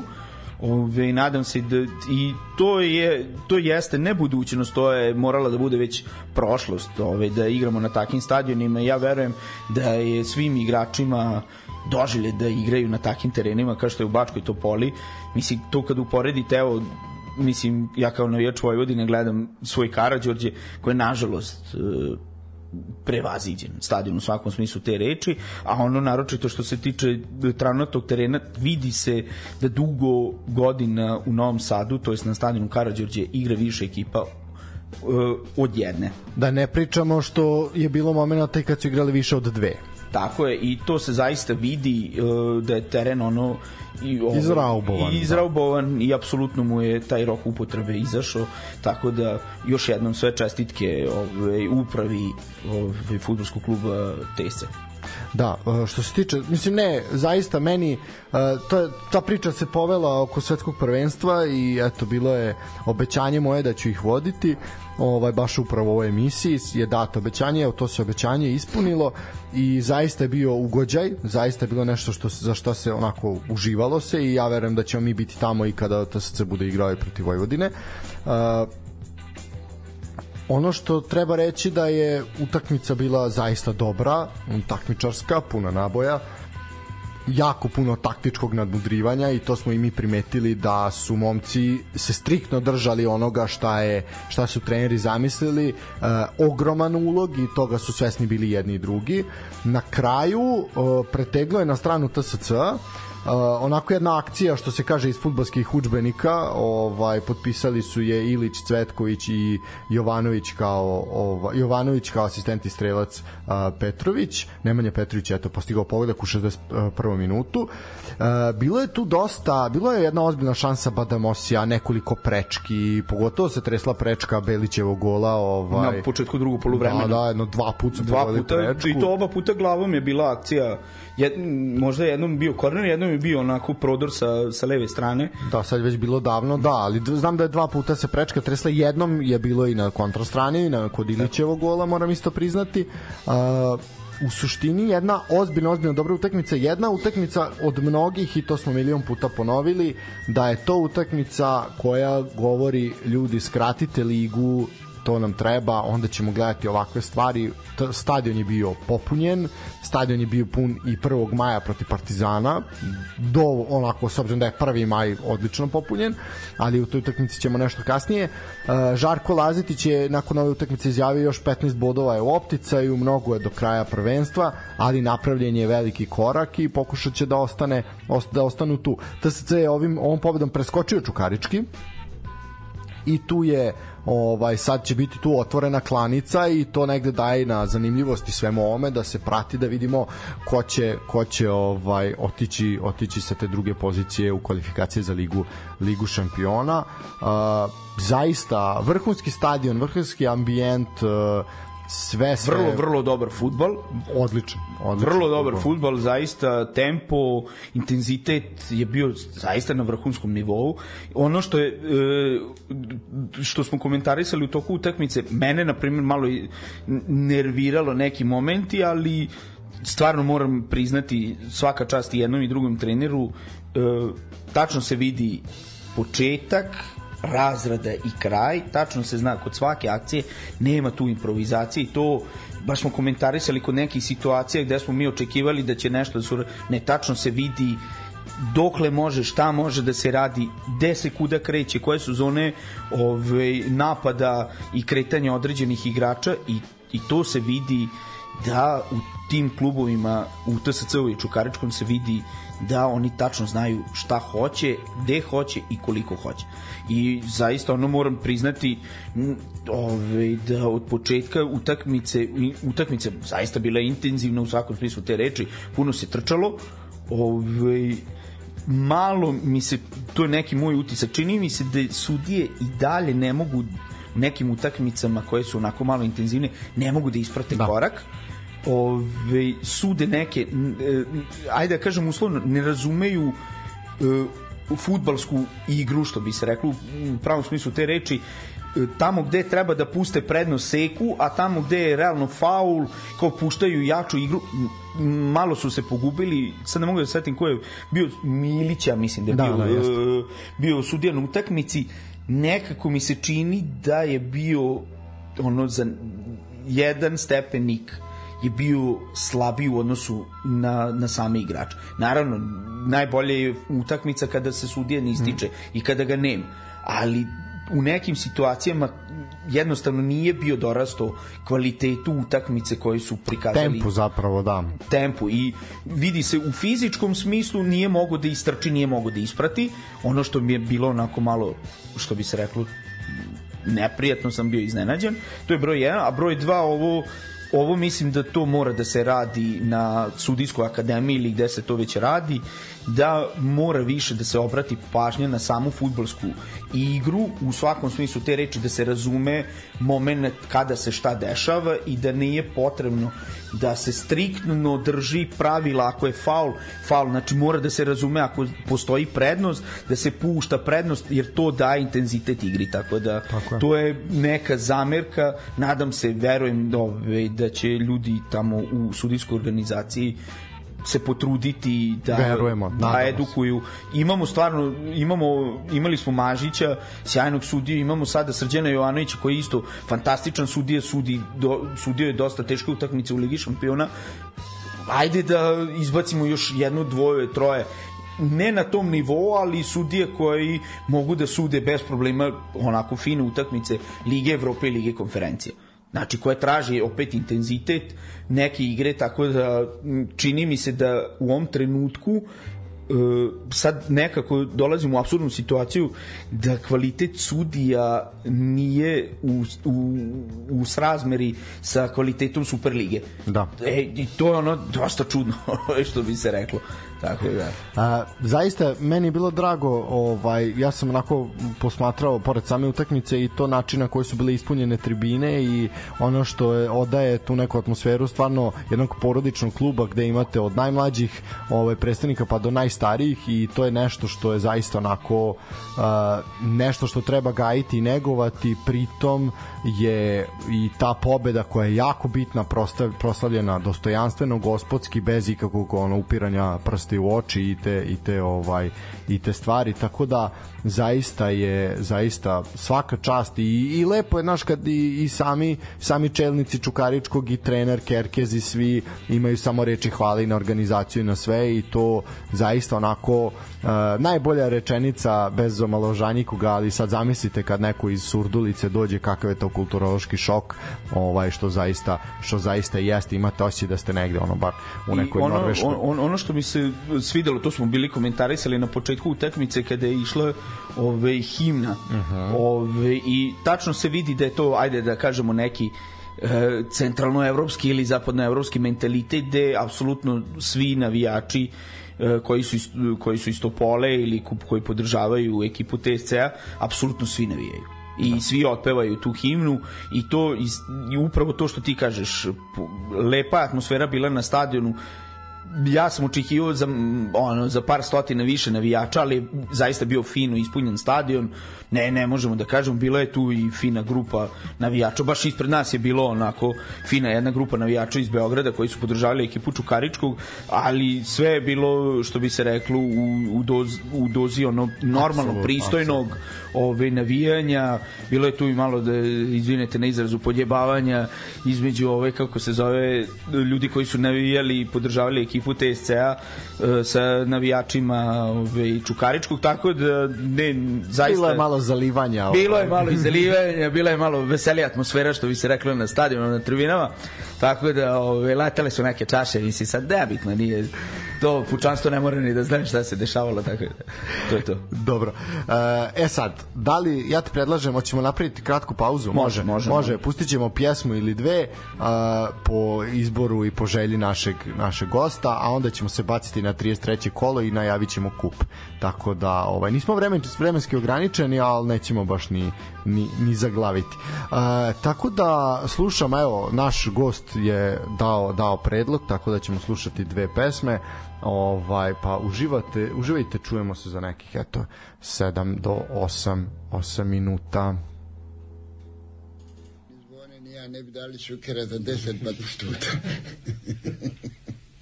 Jebote batistuta.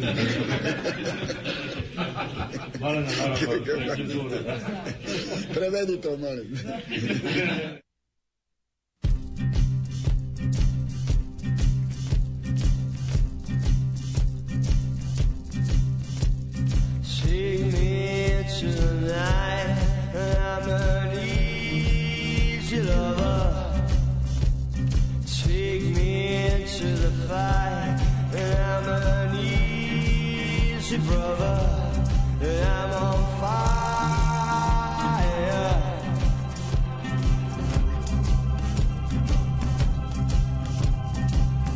My sweet effigy. I'm a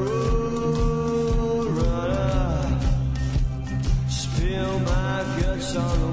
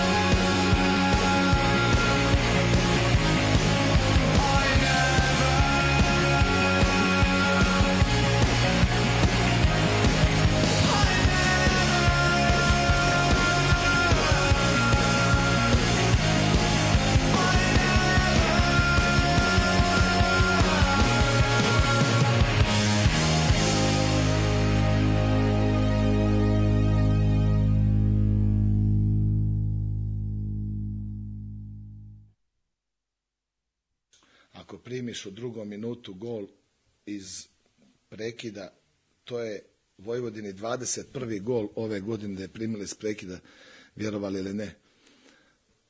Stotine i stotine prekida vježbamo non stop, non stop da mi budemo opasni iz prekida, a da ovaj a da ne budemo ugroženi primiš gol u drugom minutu.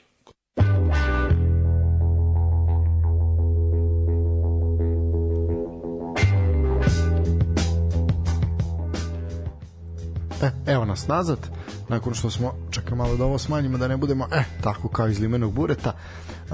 Da, čuvena izjava na Dragana Radojičića, razočaranog ovaj, u, to, u tom civilu koja je Vojvodina bila prošle sezone, ovaj, i ta čuvena izjava stotine i stotine prekida, stotine i stotine, ovaj, a na kraju, molim te samo malo približi mikrofon, e, to tako, da te bolje čuju ovaj.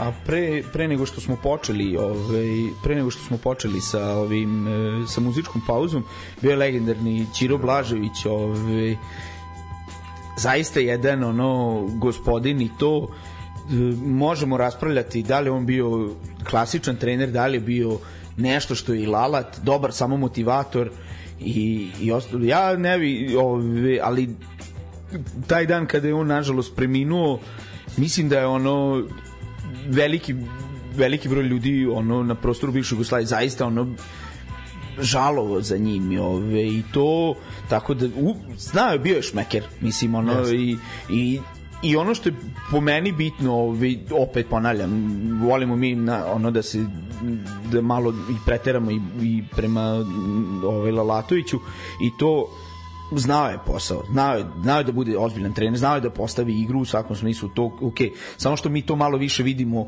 tog, ovaj, tog momenta gde on ovaj što bi se reklo voleo čovjek da bude zvezda da. i i to i ajde sa time ćemo i da završimo ovaj to jest ja ću završiti ovaj to 98. godine kad je Hrvatska bila treća na svetskom prvenstvu biti jedna od glavnih zvezda takvog tima Hrvatske, gde imate Bobana, gde imate Prosinečkog, Jarnija, e, Štimca, Bokšića, mislim, takih igrača i, i vi uspete da budete zvezda sa takim da. igračima i da napravite rezultat, mislim, to govori to govori ono zaista ove, u kakvom je to treneru i veličini tako, se govori. Tako je, jebote Batistuta.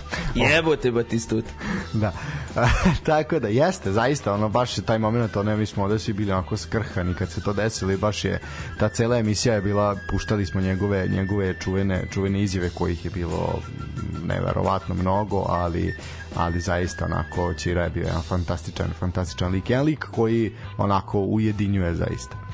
A, mi ćemo sad malo nastaviti priču, jel? Prebacujemo se sad na ovo što se dešavalo ovog vikenda, a završava se danas. Eto, podsjetit ćemo danas od 17 časova ozbiljna, ozbiljna klanica u Ivanjici. E, Javor dočekuje mladost Gati, tu je borba na život i smrt, tu će e, jedni i drugi tražiti bodove spasa. E, prvu utakmicu koju opet kažem ne možemo sad, nema tu sad nešto šta se posebno pričati, volio bih više da pričamo o ome kasnije i o, o kupu koji sledi, ali ćemo spomenuti da je Novi Pazar i Radnički iz Kragujevca su odigrali treći međusobni duel i prvu pobedu Radničkog nad Novim Pazarom, eto desila se pogodkom Zorića u 68. minutu Zorić koji je, nako videli smo mi taj gol juče, ovaj, baš se, baš se čovjek trudio i na kraju je prvo je pokušao atraktivno, na kraju je morao onako baš fizički da je ugura u gol. Uh, ono što treba reći da je Novi Pazar ostao sa igračem manje, nekoliko minuta baš tog pre tog pogotka, ovaj zaista lep potez, lep dribling, pa onda iz dva udarca je savladao golmana Novog Pazara. Pazarci četvrti uzastopni poraz, bez postignutog gola, zaista, zaista tonu. Ali dobro, mislim, završit će se ova sezona, konsolidovaće se sve to, pa ja verujem da će od naredne sezone to to biti onako kako smo i bili bili ovaj iznenađeni pozitivno na početku ove kada smo zaista ono hvalospeve ispredali o njima jer zaista su ono bili u jednom momentu i prvi na tabeli i dosta dugo se držali u tim, na tim vodećim pozicijama naše Superlige. E sad, utakmica na kojoj si ti bio prisutan, ja nažalost nisam, ali sam posmatrao je tokom preko jel, kanala Arene Sporta, to je utakmica između Vojvodine i Voždovca Nikola Čumić eto predvodi Vojvodinu na, na tom evropskom putu postigao je na ovoj utakmici još jedan gol to mu je 12. u dosadašnjem toku sezone zaista čovek opravdava uh, sve novce koje su uloženi u njega uz četiri zabeležene asistencije sigurno u najboljoj formi ono od kad, od kad igra fudbal uh, eto četiri poslednja kola vezao je vezao je golove znači protiv Novog Pazara dva puta uh, protiv Kragujevca i sad protiv protiv Voždovca. Treba reći da je i Baraj postigao isto lep gol, lep udarac je bio od stativu, zaista, zaista lepo. Što se tiče Čumića, ove sezone 25 utakmica, 22 u startnoj, u startnoj postavi. Uh, ti si bio na ovoj utakmici, Vojvodina zasluženo slavila. Ono što zaista mogu reći, iskreno, baš sam se iznenadio ove, laganom, ali zaista laganom pobedom Vojvodine. Ove, ono što me neprijatno iznenadilo, ove, to je ajde, ne, ajde, moram biti strog, ove, moram biti strog zaista, sramno mali broj na, ove, ljudi, na, da. ljudi na, na stadionu, ove, jedva nešto preko 2000, 2, 2500, ajde da kažemo, ne znam, ove, d, jesenas kada sam bio ovaj, kako se zove kod kući kad smo bili tada je Vojvodina imala ono standard nekih od 4 4,5 hiljade da. ljudi je imala na mnogo lošijem vremenu. Čak Vojvodina nije bila ni tako dosta visoko ni plasirana. Vojvodina u tom trenutku bila negde šesta, sedma je bila u tom trenutku i ostalo, ali je bilo značajno, značajno više ove publike na stadionu Karadžorđe. Zaista ne znam ove, zašto? Ove, ne bih rekao Vojvodina igra lep futbal igra lep futbal ove, zaista prvo vrlo rutinska pobeda ove, stvarno sam očekivao da će, da će biti više publike. Evo na primjer ona utakmica prva uh, u play-offu kad smo do, dočekali Novi, Novi Pazar, pazar. pa. ok, ajde pre toga se igralo pa je bio onaj problem bilo je neki uh, dan pred Uskrs pa ima taj bojkot ove, i organizovanih navijačkih grupa u Srbiji gde kažu da se futbal igra vikendom, ok, razumem, podržavam, ovaj, zaista smatram da, da treba futbol da se igra subotom i nedeljom, ok, postoje ta vanredna kola, sve to meni jasno, ali, ali sad, to ne može biti po, naravno, ponedeljak, utorak i naravno, mislim da četvrtak i slično. Ovaj, ono što stvarno sam očekivao da će biti značajno veći broj ljudi, međutim nije, ne znam, ovaj, ono što ali ono što je na drugu stranu pratim ove, stranice na društvenim mrežama futbolskog kluba Vojvodina gde zaista rade i trude se i idu te akcije. Ti si naša prva ljubav gde posećuju škole ne samo na teritoriji grada Novog Sada nego i evo sad su bili u Temerinu. Ove, rade, trude se. E sad šta je problem? Da li da li predložiti upravi futbolskog kluba Vojvodine da od narednog kola ove, bude besplatan ulaz na stadion Karadžorđe, pa će to međutim ta utakmica koja nas jedino očekuje u Novom Sadu do kraja play-offa jeste sa Partizanom što nije realno očekivati to. Da smo, da li su zakasnili upravi da otvore kapije stadiona Karadžorđe pa da imamo veći, veći broj publike? Ne znam, žao mi je ove, o, ti momci i trener i trener Batak su zaslužili da uh, od novosadske publike da ih dođe u značajno većem broju da ih podrži i da im se zahvali i da im čestite na dobrim igrama. Vojvodina je zaista igra lep futbal, koliko, koliko oni znaju, znači nije to neki klasičan bunker, oni se trude. Ono što je super, što trenutno u Vojvodini imamo ove, dva vrlo, vrlo talentovana ofanzivna igrača ove, iz te, ajde da kažem, uslovno srednje generacije, to su Čumić i, i Veljko Simić, gde zaista donose taj neki polet u igri Vojvodine i brzinu i lepotu na kraju. Ove, vidi se da su van serijski talentovani igrači, da znaju igrat futbala, što bi se reklo. Tako da žao mi je što nema veći broj publike na stadionu Karadžorđe u Novom Sadu. Ono što, ali ono što mogu, na primjer, da spomenem, evo, pohvalio sam e, njih, e, njih dvojicu. Ono što zaista moram da, da kritikujem, to je golman Carević. Nažalost, smatram da golman Carević nije kadar da brani u klubu kao što je Vojvodina. Ove, nažalost, e, jedina šansa koju ima imalo tim Voždovca jeste nakon njegove greške i to neverovatnom ono odbranom, ja mislim Antonijevića sa gol linije Jeste, je, jeste. ove, kako se zove gosti iz Beograda nisu došli do izjednačujućeg gola ne, ne mislim ja da je on loš momak i to jedino smatram da on nije kadar da brani u Vojvodini, nije dovoljno kvalitetan da brani za Vojvodinu. Ove, ima čovjek problem sa, sa, sa ovaj procenom ovaj centar šuteva i to Da, ima leta ozbiljan lopta, da. problem. Takođe što mu isto veliki problem mu je brzina, znači nije dovoljno eksplozivan, što bi se reklo da odreaguje žao mi je, mislim. njegovo njegov sav kvalitet, to smo baš priče pričali, se svodi na to i mislim to sam ja ovde kao analizirao malo detaljnije, iako ja nisam golman, ali volim da stanem na gol. Uh, meni deluje da je njegov ključ onoga što on uspe da odbrani je samo dobro pozicioniranje. Onog momenta kad se on dobro pozicionira, on će zbog svoje fizičke ovaj dominacije jer je on zaista krakati, visoki i sve, ovaj on će to odbraniti, ali tu nema nekog refleksa i ono što ti kažeš, a to se apsolutno slažem, ne paradoksalno je da takav čovek, takvi gabarita uh, se tako pati u vazduhu. To, to, je, to je da on, on toliko nju da li se on ne odrazi na vreme, da li Pa upravo to Je tu timing da, da, problem, mi mislim da. da. je timing problem jer Ali definitivno, znači ne možeš da ti imaš čoveče, on ima dva i nešto metra, on kad digne ruke to je 2.30, ono 2.40, pa ti moraš da je uhvatiš da ono... upravo to mi, mi mislim da ima problem što bi se reklo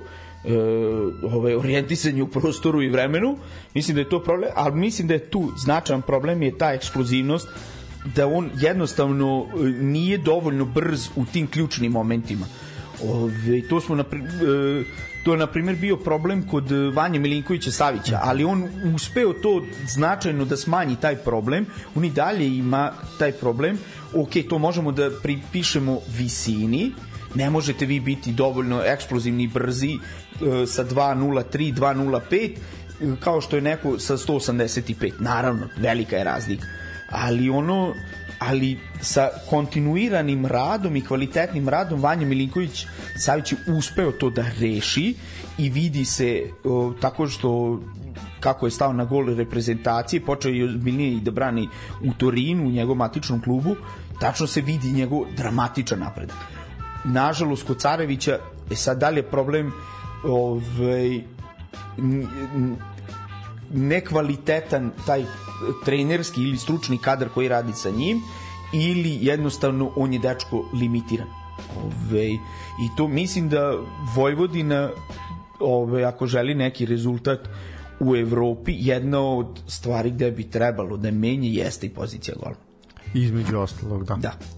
A, ali eto, ima toliko, toliko mladih i perspektivnih golmana u našoj ligi, zaista ima jako, jako puno i pričali smo i o Ranđeloviću i Surdulici i Manojloviću i tako dalje, tako dalje, zaista, pa čak i ovaj Stani Vuković iz Kolubare, pa i ovaj mali Balša Popović koji ga sad menja je zaista bio, bio dosta dobar, tako da ima tu, ima, ima kvalitet. Ima, naravno, i ono ima što- ovaj mali iz Kragujevca, Leković, isto odličan golman. On, ono što dugo smo mi imali problem ove, Sa golmanima, da. sa, sa golmanima i sada imamo ono sad imamo situaciju da imamo neki 5-6 golmana koji nisu ajde da kažemo ekstra kvaliteta ali su vrlo vrlo dobri golmani. I ono što bi se reklo što ja volim kod što volim kod na primjer kod golmana e, da brani ono što mora da odbrani. Ako uhvati neku težu loptu to je super, to je sjajno, to je bonus, ali ne volim golmane koji, ove, što bi se reklo, e, su skloni kiksu. Na primjer, evo, pored Voša, ajde, klub koji isto volim i to je Manchester, naravno, kad kažete Manchester, postoji samo jedan, ovaj, to je onaj, A to nije ovaj a to plave. nije ove plave boje. Na primjer De Gea. De Gea definitivno ima ozbiljan problem poslednje dve, tri sezone. Znači, koliko god on teških lopti uhvati, pravi ozbiljne sad već kikseve. I, i i taj tip golmana užasno me nervira. I zato sam uvek voleo nemački golmane, zato što nemački golmani, na primjer, Neuer Ter Stegen ili Oliver Kahn, to znate da, da ono što treba da se odbrani, da će se odbraniti, da će napraviti neko ludilo na utakmici, odbranit će neko čudo i nešto, ali znate da te, što bi se reklo, te lagane lopte u apsolutno naj, najvećem procentu, da ne kažem skoro 100%, će, neće primiti, što bi se reklo. Da. A sad ovo ako bude nešto spektakularno bude, ako ne bude nikom ništa. Nikom naravno. ništa. A, dobro. Uh, pre utakmice Crvene zvezde i Čukaričkog koja eto da je Čuki ovaj su trebali bodovi. Ja sam negde verovao da će Čuka možda čak i otkinuti neki bod, ali nije do toga došlo. Imali smo utakmicu upravo u Nišu gde uh, su mm, Nišlije dočekali mladost iz Lučana. Uh, Lučani su pobedili na ovoj utakmici sa 2-1, eto golima fantastičnog Varjačića koji zaista gura tu ekipu maksimalno i Miloševića u 86. iz penala, dok je Mićin smanjio, odnosno izjednačio u jednom momentu rezultat na 1-1. Lučanci su sad onako ovom pobedom dosta bliže da ostanu u Superligi, a Niš tone, tone boga mi ka provali. I to ono što smo rekli, Šarac go Šarac je na konferenciji rekao da su oni odigrali dobru utakmicu, ali da nisu došli rezultate, pa sad dragi moj Dragane, vreme je da malo da malo ovaj bude i rezultata. Pa upravo to što smo rekli u, u prvom delu emisije, ono e, ekipa radničkog iz Niša definitivno u najlošoj formi čak bi se usudio i da kažem da i taj igrački kadar koji se nalazi trenutno u Nišu nije dovoljno kvalitetan za, za igranje u, u najvišem rangu srpskog futbala, tako da nije me iznenadio ovaj rezultat u Nišu, iskreno. Žao mi je što grad veličine e, veličine Niša ovaj, se pati, 30 godina se pati sa umesto da budu ono što bi se reklo ajde tu i, iza Večitih i Vojvodine da bude tu negde između trećeg i petog, šestog mesta da bude u svakoj sezoni da imamo zaista ozbiljno vruć teren dole u Nišu gde je poznato da, da je vruć teren mi apsolutno ne to apsolutno ne i ni ne, ponavljam, ne, neće mi biti nikako iznenađenje ako vidimo da Niš u svojoj jubilarnoj sezoni ispadne iz lige. Uh, dobro. I što se tiče Kaži. Šarca, ja se izvinjam, da, zaista, mislim, e, to možeš da kažeš, e, imali smo dobru igru, ali nismo i ovaj rezultat to na kraju nije pokazao. To možeš da kažeš ako si prebrodio sve brige za opstanak i ostalo žao mi je, mislim, poslednjih od šest utakmica, u poslednjih šest utakmica, pet poraza, ja se izvinjam, ali uh, to je na tvoju dušu. Mislim, nisi u stanju ni da motivišeš igrače, nisi u stanju da ovaj kako se zove taktički nadmudriš nekog protivnika postavkom nekom uh, to ono što svakog trenera treba da krasi a to je neki džoker koji ima neku taktičku neki onaj što bi se reklo uh, specijalu gde ćeš da prodaš neku foru fintu da prodaš ovaj svom treneru ovaj svom suparniku na klupi. Ne žao mi je, ali mislim, to opet ponavljam, sad će zvučati da zato što pod, podržavamo ili imamo više emocija prema Lalatu, pa smo tako ovaj, oštri prema šare, Šarcu, nismo, mislim, Šarac igra u Vojvodini i to, ovaj, naravno da ono, imam veliko respekt kao, kao bivši igrač u ali žao mi je, ne, definitivno mislim da je vreme da spakuje kofere i da... A dobro, i da spakuje kofere, šta ćeš sad, ono, da, to je sad problem, da. Opet, uh, Dragan Šarac je samo posledica onoga šta se dešava u tom klubu. Apsolutno. Uh, ja verujem da bi Dragan Šarac imao značajno bolje rezultate da je u klubu nekom ko je stabilan. U kom smislu stabilan? Da se zna od početka do kraja ko je zašta zadužen. Znači da nema tu improvizacija ja tebi ti meni, e, pa ne moraš, pa to će tetka, strina, mislim, tako da zbog toga, naravno nije on pritom ne kažem da je ključni krivac ali po, što bi se reklo po vertikali, apsolutno nakon tog što bi se reklo upravnog dela kluba gde je predsednik Tončev namo neki sportski direktor ako već postoji ili ne postoji on je ajde u nekom minimumu treći čovek po Tako, odgovornosti u klubu i mislim treba da snosi posledice e, svog delanja ili nedelanja. Crvena zvezda Čukarički. Uh, iskreno očekivao sam da će Čugarička oduzeti makar bod, ali Zvezda je u svoj svojoj silini pokazala svoju snagu. Slavili su čet, sa rezultatom 4-0. Uh, prvo je Kings Kangwa u šestom minutu na asistenciju Lazara Nikolića postigao pogodak u 19. Uh, minutu upravo bivši igrač Čukaričkog Marko Rakonjac je sjajno reagovao na asistenciju Azarova uh, koji Azarov eto ono što je Nikola rekao bio je ono mim sprdnja sad sad čovjek onako pokazuje da kad se s njim radi da tu može nešto i da se pokaže uh, u listu strelaca su se upisali i Stefan Mitrović u 79. i Uroš Spajić eto na koga je ono i to lep go i to lep I to go, lep go ovaj, u 90. minutu za koga su ono već i zaboravili da je ikad igrao futbal uh, jedna zaista rutinska rutinska pobeda Miloša Milojevića koji su izašli u kombinovanom sastavu to treba to treba napomenuti a Dejan Kerkez je onako nije iskoristio taj kombinovani sastav i negde se pokazalo zapravo kolika je razlika u kvalitetu eto za ekipu koja se bori za drugo između ekipe koja se bori za drugo mesto i ekipe koja je koja je šampion znači evidentna je razlika razlika u kvalitetu uh, I čini mi se, ovaj, iskreno, ja da. tu slažem sa tobom, ovaj, mislim da nisam očekivao tako visoku pobedu Crvene zvezde. Ne, da, da, budem, da budem iskren. Očekivao sam pobedu, ali naš kao biće 0-0, pa to, će to, možda to, jedan, nešto... 1-0, 2-1, nešto, Nešto, ili, da. na primer, imao sam nešto u glavi da bi Čuka mogla i da, da povede sa 1-0, ali da bi to Zvezda Mhm.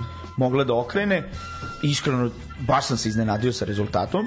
Ono što, ali upravo to, e, to što ti kažeš, Zvezda igrala u kombinovanom sastavu, e, iz, iskočili su neki igrači za koje nismo očekivali, ovaj, koji nisu nosioci igre u Crvenoj zvezdi, su nosili tu ekipu, što opet govori o kapacitetu i veličini ovaj kako se zove i znanju trenera Crvene zvezde ovaj Milojevića gde ja mislim da se Zvezda ogrešila i da je ovo najbolji primer gde se vidi da kad neko zna svoj posao može da igra i sa kombinovanim timom i to, to je bez pardona je to Zvezda dobila sa, ajde, da ne, ne pocenjujemo ekipu Čukaričkog, ali ono sa onako Ubedljivo, lagano, lagano. lagano iz pola gasa je dobila kombinovani tim Crvene zvezde dobio Čukarički ne znam, ovaj, ta, i ono što je isto, taktička postavka Crvene zvezde na toj utakmici je bila, ovaj, kako se zove, vrlo visoko, intenzivno, tako da taj gegen pressing što bi se reklo što igra Crvena zvezda u onom najboljem ono nemačkom smislu te reči pokazuje Milojević da je u ovom trenutku najozbiljniji trener koji, koji se trenutno nalazi u Superligi, gde je treneru kao što je Kerkes koji vodi ekipu koja se bori za to drugo mesto, ono mu je rekao Aloš Makeru, e, sad ćeš da vidiš kako se igra futbol. Mislim, žao mi je, ove, pritom ne mislim time da omalovažavam gospodina Kerkeza, ali realno Ne, ne, nije Čukarički ništa mogo, da, apsolutno. apsolutno je Zvezda bila tu dramatično jača tako da, Da. Molim te samo malo mikrofon primakni, ovaj malo slobodno. Nemoj se plašiti svoje seksualnosti, ovaj nije nemoj da te to brine i plaši. uh, ono što se tiče Čukaričkog, ajde, uh, oni će prema najavama iz kluba po završetku sezone otkupiti ugovore za Badamosija i Sambu Sisoka od Korterka i ja mislim da je to dobar, dobar, dobar, ovaj, posao, dobar i, posao. I, i dobri su igrači. Evo, gledali smo ih uživo sad u Bačkoj Topoli, zaista, pogotovo da Mosi onako vi, krupan, jak, snažan razbijač u pravom smislu te reči. Ono, podsjeća me malo na Abubakara, Abubakara što je igrao za Vojvodinu. Da, jasno misliš na Umaru, a Na na ne Umaru. baš i ne, ali ajde. Mene podsjeća, e, ajde, ta konstitucija. Krupan je, jak, snažan, brz. Ono, ali ono što... Više na Lukaku, a mene podsjeća nego na ali ajde, da. Dobro, ali ono što mislim da ima veliku boljku, ove, veću boljku u odnosu na, Oma, e, na Abubakara Omarova, e, Omaro imao problem da mu je trebalo puno šansi da postigne gol. Kod Badamosija mi se čini da je to još veći problem, da mu treba značajno veći broj šansi. Znaš šta je, znaš kako to meni izgleda? Sad, sad ću ja izneti moju teoriju za Badamosija. Badamosi ti je najsličnije ono što je bio Tavamba u Partizanu. Krupan, mm. visok, velik, Razbijač, snažan, da, to. razbijač i šta se dešava? Video si u utakmici u Topoli koliko puta mu je sviran prekršaj u napadu. Napadu, da, da. Čak i ako možda nekad to nije bilo, ali jednostavno znaš kad ti se pojavi takav momak pa naspram Čalušića koji je ono moje visine otprilike Jasno, jasno. ovaj ga razgrne i tu onda ispadne ispadne problem. Um, ja mislim da Badamosiju fali uh, jedan čovek uh, još sa njim u napadu. Da, krilni, krilni brži igrač. To je, na primjer, Vojvodina tada kada je igrala to kod Milinkovića, e, kod Kize Milinkovića, to je imala Vojvodina ovaj, e, tada i definitivno tu upravo se slažem sa tobom. Znači on je taj čovjek koji uglavnom ima dva dva odbrambena Da. igrača na sebi zbog te svoje fizičke ovaj superiornosti u odnosu na odbrambene igrače.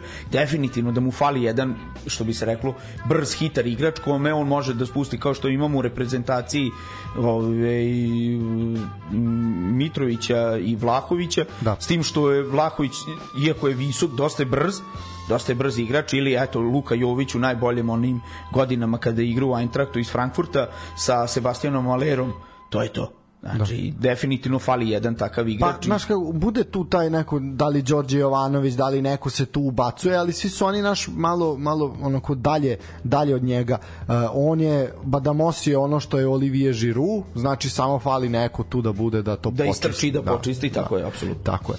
Uh, u svakom slučaju, eto, Badamosi 24 godine, Sisoko 22, sve su to ozbiljne ozbiljne ovaj mislim mladi igrači i ozbiljni potencijali i dobra zarada za Čukarički koji smo videli da ove sezone zaista onako se ustalio se već na nekom tržištu i ima neki svoj e, renome. E, ono što se pojavila vest, ajde još samo jednu kratku vezano za Čukarički, to je da će najverovatnije, kako stoje stvari, e, svoje utakmice evropskih takmičenja sledeće sezone kao domaćin igrati na stadionu u Loznici. E, ovo je sad samo medijsko nagađanje kao naš ono koji za to finale kupa. Prvo ti stadioni moraju da budu završeni e, ti stadioni treba da dobiju potrebnu dozvolu da dobiju sve sve sve pa kad to sve bude onda možemo pričati. Pričati unapred mislim da bi bilo bez veze ok šteta je da zvore prazni ali koja je mot, koji je motiv da Čukarički igra u Loznici ne znam. Tako su igrali na stadionu Partizana pa su imali jedva popunjenu zapadnu tribinu mislim to je baš onako ne znam ali ajde e, vidjet ćemo sve u svemu ajde nek stadioni se završe pa ćemo onda pa ćemo onda ono, pričati. ono, ono, ono što sada mene ovi, e, na, na što meni sada e, Superliga liči liči mi na Rumuniju pre na primjer 15 godina kad su se pojavljivali oni klubovi Astra, Đurđu Da, i da, da. tako Unirea i i, ono, da. i u Oceluli i šta ja znam ove, klubovi iz manjih mesta bez ikakih navijačkih baza koji su lagano uzimali titule i pozicije u, u evropskim takmičenjima u rumunskom šampionatu i onda dođete ono u apsurdnu situaciju da na primjer Astra iz Đurđeva ili ko već nebitno iz rumunskog šampionata igra e, e, ono evropsku utakmicu na primjer protiv ne znam, Ajaksa i imate jedva 5000 ljudi na stadionu koji ima 17000 ono kapacitet. I, i to, to je ono Topola mi je žao što nije veći kapacitet, ali realno stadion u Bačkoj Topoli ne treba da bude veći od ovog kapaciteta koji jeste. Da. Ono što, nažalost, ove, ako TSC bude na kraju završio drugi igru kvalifikacije za Ligu šampiona, nažalost, neće moći da igra u Bačkoj Topoli, nažalost, ove, nego će morati da ide za Beograd ili za Novi Sad, to još ne znamo. Ove, to za Ligu Evrope, koliko znam, i za Ligu konferencija mogu da igraju na svom stadionu. Ove, ali za Čukarički mislim da budemo realni Čukarički i da igra i na Banovom brdu na svom stadionu kvalifikacije za Ligu šampiona nažalost taj stadion ne bi bio pun. Na, mislim žao mi je. Ove, Ali tako je. ali takva je situacija. Čini mi se da ove, ni ti e, Čukarički ne radi za razliku od TSC-a ne radi dovoljno na popularizaciji svoga kluba njihove društvene e, nalozi na društvenim su mrežama jako, opsku, jako su da, da skromni. skromni da. su i to sad kad vi imate na primer jedan Javor iz Ivanjice ili imate na primer eh, jedan Miljakovac ili jedan voždovac koji moramo da pohvalimo Da, što se toga tiče, što se toga tiče i simpatični su i vole ih ljudi na društvenim mrežama žao mi je što to nema ekipa Čukaričkog mislim da njihovi rezultati moraju da se prate svuda i sa, uh, iz tih momenata. Neko to misli da to nije bitno, bitno je. Jer vi prodajete taj proizvod. Vi, ako želite da prodajete te igrače za veću lovu, znači morate da imate i veću publiku i veći stadion. Renome kluba. Renome kluba mora da bude na višem nivou. Zato je Dinamo Zagreb to što jeste. Najveći, što bi se reklo, diler ovaj, kako se zove igračima u ovom delu Evrope gde vi ste uspeli da prodate i naravno to su vrhunski igrači da budemo Naravno. pošteni ali opet je drugačije kada vi prodajete igrača koji igra taj veliki derbi na primjer protiv eh, protiv Hajduka i protiv Rijeke i protiv Osijeka gde bude pun stadion, ajde u Zagrebu ne toliko, ali bude u Osijeku, Rijeci i u Splitu, naravno da vam nije problem imate te rezultate u Evropi i da prodate igrača za 20 miliona. Žao mi je, ovo je super kupovina Badamosi i i ovaj drugi brat naš nesvrstani iz zapadne Afrike, ovaj, smatram da žao mi je, ali Čukarički neće prodati za buć šta neke veće pare ta dvojicu. Tu Pa dvojicu. da, oni su sad, ajde, malo se ta, povezala se ta veza sa i ta priča sa tim MLS-om i sad su tu dosta igrača otišlo i ok, jesu to 2, 3, 4 miliona, sve to ok, sve to raste, ali je Čukaričkom treba jedan iskorak u Evropu, ozbiljan, to je prvo, to je ono nekako što im svih ovih godina nekako fali i ostaje ona, ona tuga sa onim Đurgardenom i ono što se ono nije prošlo, ali dobro, ajde ovaj Twente ove sezone je zaista bio Realno, Twente je bio neuporedivo jači. Da. Uh, mada čak i tu se nisu tako jeftino prodali. Možda čak i su bolje odigrali tamo nego ovde, ali dobro. Šta sa šta je tu je? Tu je bitno, znaš, tu se mora nešto napraviti, a definitivno da oni ne rade dovoljno i definitivno je taj marketing problem. Uh, problem je, ali to je, to je jedan jako veliki problem koji, eto, mi smo ovde pričamo o tome već dve godine i sa različitim ljudima iz različitih sfera, uh, kako ti da motivišeš nekog da dođe na stadion? Znači, ako prvo moraš imati uslove kao što je na primjer u Topoli ili sad negde da imaš taj da taj WC bude čist, da taj WC bude uredan. Da ti ne da tebe ne zaboli glava kad ti dete kaže da mu se piški, razumeš? To je to je problem. To je realan problem. Apsolutno, apsolutno. Ja ja par, ja bi Partizanu Partizanu nikad ne bi dao licencu za igranje evropske takmičenja dok ne sedi toalete. Ono je tamo ono je kriminalno. Ne znam kad si zadnji put bio, ali je kriminalno. Na Karadžorđu su fantastični, moramo ovim putem da pohvalim. Da, mislim isto, ono, strašno. Ovaj, na Karadžiću ne da bože da se ubodeš na nešto od onog sepsu ćeš dobiti, znači umreći u, u najgorim mukama. Ono, u, Ne, ne, u, u, Ako most nisi mogao na gimnastici nikad da napraviš tetanus će to odraditi. E, ovaj, u, upravo to. Sad, mislim, ti dolaziš ono u, u situaciju da, uh, ok, uradili su tu tribinu koju su radili, ovaj, kako se zove, sredili su, zategli su malo taj stadion ovaj, na Banovom brdu, ali opet mora to da isprati i ta priča na društvenim mrežama. Mislim, koliko god, ponavljam, vi prodajete proizvod. Vaš proizvod se zove futbalski klub Čukarički taj futbalski klub Čukarički u ovom trenutku se bori za drugo mesto u, u Superligi Srbije koji donosi kvalifikacije za Ligu šampiona. Pa ako nemaš veći motiv od toga da napuniš stadion, to je broj 1. Broj 2, da apsolutno upregneš svu moguću logistiku koja da li postoji ili ne postoji u klubu To je veliko pitanje, da. ako ne postoji, ja verujem da odvojite e, što bi se reklo, neka mizer, to su mizerna sredstva, da odvojite, da dovedete ovaj, kako se zove, nekoga ko sa time barata. Ja verujem da će se to, ne desetostruko, ali značajno će se vratiti to. Počeće publika da vas prati, to je broj 1, broj 2, taj shop da li postoji, ne postoji, počeće i tu nešto da se prodaje, nešto se dešava, morate, mislim, ok, ajde, Vošan, ne znam, ne razumemo šta se dešava, ali da, na primer, marketing u futbolskom klubu Vojvodina je počeo da se dešava. Apsolutno. I sad vi imate, ja ne znam za, zašto je problem, na primjer, u futbolskom klubu ovaj, Čukarički da prođu sve tamo što imaju u komšiluku to tamo Čukaricu, Banovo brdo, Čukaričku padinu, taj potez tamo ono oko onog tržnog centra, ne znam, Ada Ciganlija i to. Pa ja verujem da tu ima minimum jedno 5-6 škola da prođete tamo, da porazgovarate sa klincima, date klinci, ej, igramo kvalifikacije za ligu šampiona, ovo, ono. Je, hoće to ljudi. To ljudi vole kada vide uspeh, naročito u Srbiji. hoće to da isprati. Tako je. Mislim, kol- koliko god to nekome zvučalo, ne znam, naivno i jedno, ali jeste. E, najbolje stvari na svetu to proizilaze iz tog jednostavno. Mislim, Real Madrid ok, jeste napravio rezultate i sve to, najtroferniji je klub na svetu i ostalo.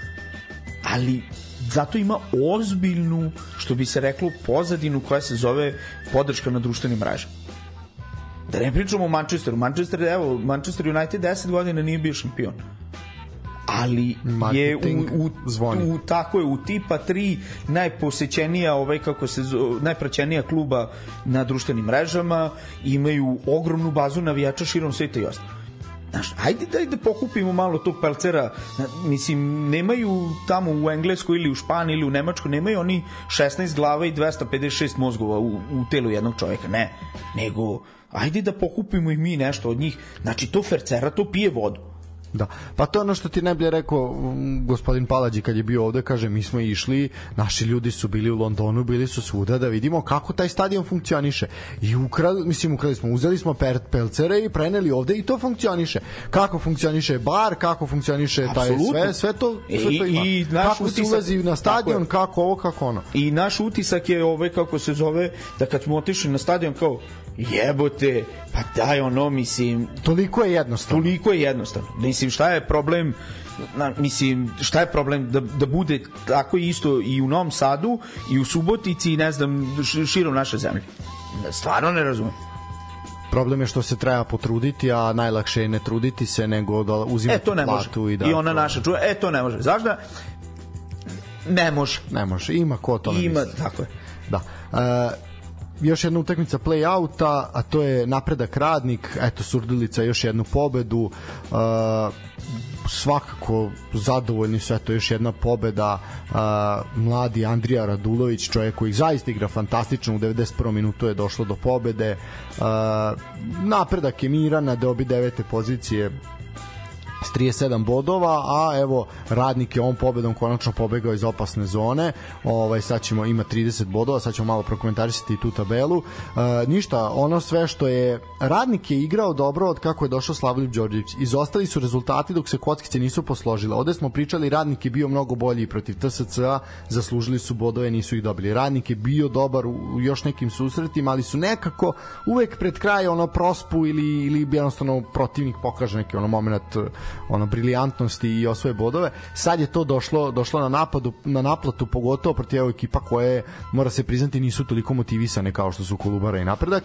Ovaj ja ne vidim ovde neku neku neku neki mutne radnje i ne želim da upirem prstom, meni ovo je delovalo kao sasvim sasvim čisto i očekivano s obzirom da su zaista onako u naletu. E sad, nažalost, to je sad borba sa vetrenjačama, našim ljudima objašnjavati i sad onaj ko je reći, ha, evo ga, znao sam, to je naš odmah namešteno, je to, to je ona priča, moja priča Mila iz kladionice. Kad dođe to tako, Mila iz kladionice je najpametniji čovjek na svetu, kad ne dođe, onda opet namerno je nije tako. Tako da, ne Ovaj, m, ono što ajde, sad se već ponavljam, ovaj, Da. ono što je u ovom trenutku jeste ekipa radnika od kad je došao Slavlju Đorđević, definitivno jeste u naletu i, i radi i da budemo pošteni, taj zimski prelazni rok je određen kako treba. Apsolutno, ozbiljna I, pojačanja. I tačno su doveli, znači te pozicije koje su kod njih bile tanke, oni su to pojačali, tačno se znalo šta se želi i ostali. Ono zaista se vidi taj napredak e, ovaj u njihovoj igri značajan ovaj napredak u njihovoj igri. I to ono što ja imam tu što bi se reklo malo e, neku kočnicu prema tom rezultatu jeste e, pobeda napretka u prethodnom kolu u Lučanima i onda sada ajde gubitak bodova od napretka još onako na simpatičan način u 90 plus minutu i ostalo ok mislim ove, kažem, jeste, nije sporno da je ekipa na ove, radnika. Malo imam što bi se reklo rezerve u ovom trenutku na, na način ove, ka, ka, kako se pobeđa ali ono što nas definitivno očekuje jeste ta velika velika o, ozbiljna utakmica da ne kažem bitka uh, za opstanak danas u Ivanjici između ekipe Javore i Mladosti. O, iskreno u ovom trenutku ne, sva tri rezultata da se dese e, ne bi bilo nekoj, ajde u stvari ne tako e, ne bi me iznenadila ni pobeda e, Javora ni pobeda mladosti jer definitivno u ovom trenutku X ne igra ni jednima ni drugima. Apsolutno ni jednima ni drugima i definitivno ona je ona ekipa koja danas pobedi u Ivanjici će imati značajno veće šanse za opstanak u, u ligi. Tako je. E sad uh, kratko ajde samo ćemo još prokomentarisati pa ćemo onda komentarisati tabele i ko sa kim malo prognozirati i najaviti kup koji se takođe igra. Uh, odigran je zaista jedan onako pravi evropski duel u Topoli između TSC i Partizana. Partizan posle mnogo, mnogo, ja sad već ne mogu da prevrtim kad su zadnji put odigrali ovako dominantno, ovaj, još negde u prvom delu sezone, apsolutno zaslužena pobeda od 3-1, ovom pobedom se, ono, prstima se drže na ivici provali da možda mogu da izbore to drugo mesto, možda. E, iskoristio je Partizan apsolutno sve propuste u igri TSC bilo je onako tih nekih momenata jeste da je TSC možda odigrao jednu od loših utakmica u poslednje vreme ali zaista i Partizan nije dozvolio da se razmašu konstantan pritisak konstantno znači odlično odlična igra direktna brza bez mnogo komplikovanja bez mnogo nekog soliranja disciplinovano odgovorno disciplinovano u defanzivi zaista Kristijan Belić koji je ono baš pitbull na toj na tom delu terena, zaista svaka čast. I uh, sreća za TSC u nesreći je što je Čukaričko izgubio od Zvezde, pa tu ostaje istem brojem bodova, ali Partizanu evo sad malo da kažemo jedan udah i onako video se da im je pao kamen sa srca konačno eto posle koliko vremena ne, su ne, došli do ne, nema šta tu da se doda, realno Partizan je bio značajno bolji u toj utakmici. I, ove, od početka do kraja utakmice kontrolisu ovaj meč i jeste uh, Partizan poveo 1-0 došlo 12. minut 12, Ricardo da, pa da, i Saša Jovanović u 20. da ja bih to rekao sad će zvučati onako malo pretenciozno ovaj uh, nije TSC dao slučajno gol Mislim, ali će, ne, ne znam, da potrebno neki kvalitetni izraz, ali čini se da to bio incident na toj utakmici, da je to jedina, e, jedini moment gde je TSC nadigru Partizan. I krunisao to. Tako je, apsolutno zasluženo postigu go. Mislim da je to bio jedini moment krize u igri Partizana. Ove, je taj moment kada je ekipa TSC postigla izjednačujući go ponavljam, Partizan od početka do kraja kontroli su meč. E, Duljaj e, je pokazao da da je ozbiljan trener ozbiljan potencijal, da se škola u velikom sistemu kao što je Šaktor iz Donjecka. Koliko god to nekom zvučalo, Šaktjor, e, Šaktjor i Ukrajinska liga, naročito Šaktjor i Dinamo iz Kijeva su svetlosnim godinama ispred naših klubova. Absolutno. U svakom smislu te reči. Od, od postavke sistema u klubu ove, logistike i svega pa do samog igračkog kadra dramatično su ispred ove, naših klubova. Ono što isto moram reći, vidi se da te promene koje je izvršio Dulje kao trener, počeši od golmana, pa te postavke igrača, postavke sistema i to doneli su rezultat. Partizan je nat, natrčao ove ekipu TSC, što je zaista teško, jer da. Žarko Lazetić je poznat kao trener koji forsira ove taj gegen pressing u svakom smislu te reči, puno trčanja, intenzivnog trčanja i ostalo, nema šta tu da se, da se doda. Ono što ostaje Partizanu jeste da reši te probleme koje postoje u, u samom klubu i problem koji se zove diabate. To mi se čini da to unosi značajno nemiru unutar ekipe, jer se njemu tolerišu mnoge stvari, može on da bude ne znam, i najbolji igrač Partizana, ali neke stvari ne smije da se tolerišu i mislim da je to ja imam taj problem sa ovim mlađim generacijama futbalera koji sebi dozvoljavaju da misle da su veći od klubova. Ne. Ti klubovi su bili veliki i, I pre, nego što, i pre nego što da. ste se vi rodili i oni su veliki sada dok ste vi u piku što bi se reklo i kada vi odete u penziju ti klubovi će biti veliki to je ono što je Dulja rekao, Partizan će živeti pored ove loše sezone i apsolutno to nije ništa, nije kraj sveta. A, treba pohvaliti mladog Jovića koji je to konačno ovaj, i on postigao pogodak. A, Filipović koji je zaista bio borben i sve i on je to krunisao i negde meni je nakon tog primljenog gola kada je Saša Ivanović postigao za 1-1 meni je delovalo kao ovo je standardni partizan koji gledamo oni bljesnu u prvih 15 minuta i onda jednostavno ono pokažu slabost i reko ok, tu je sad problem.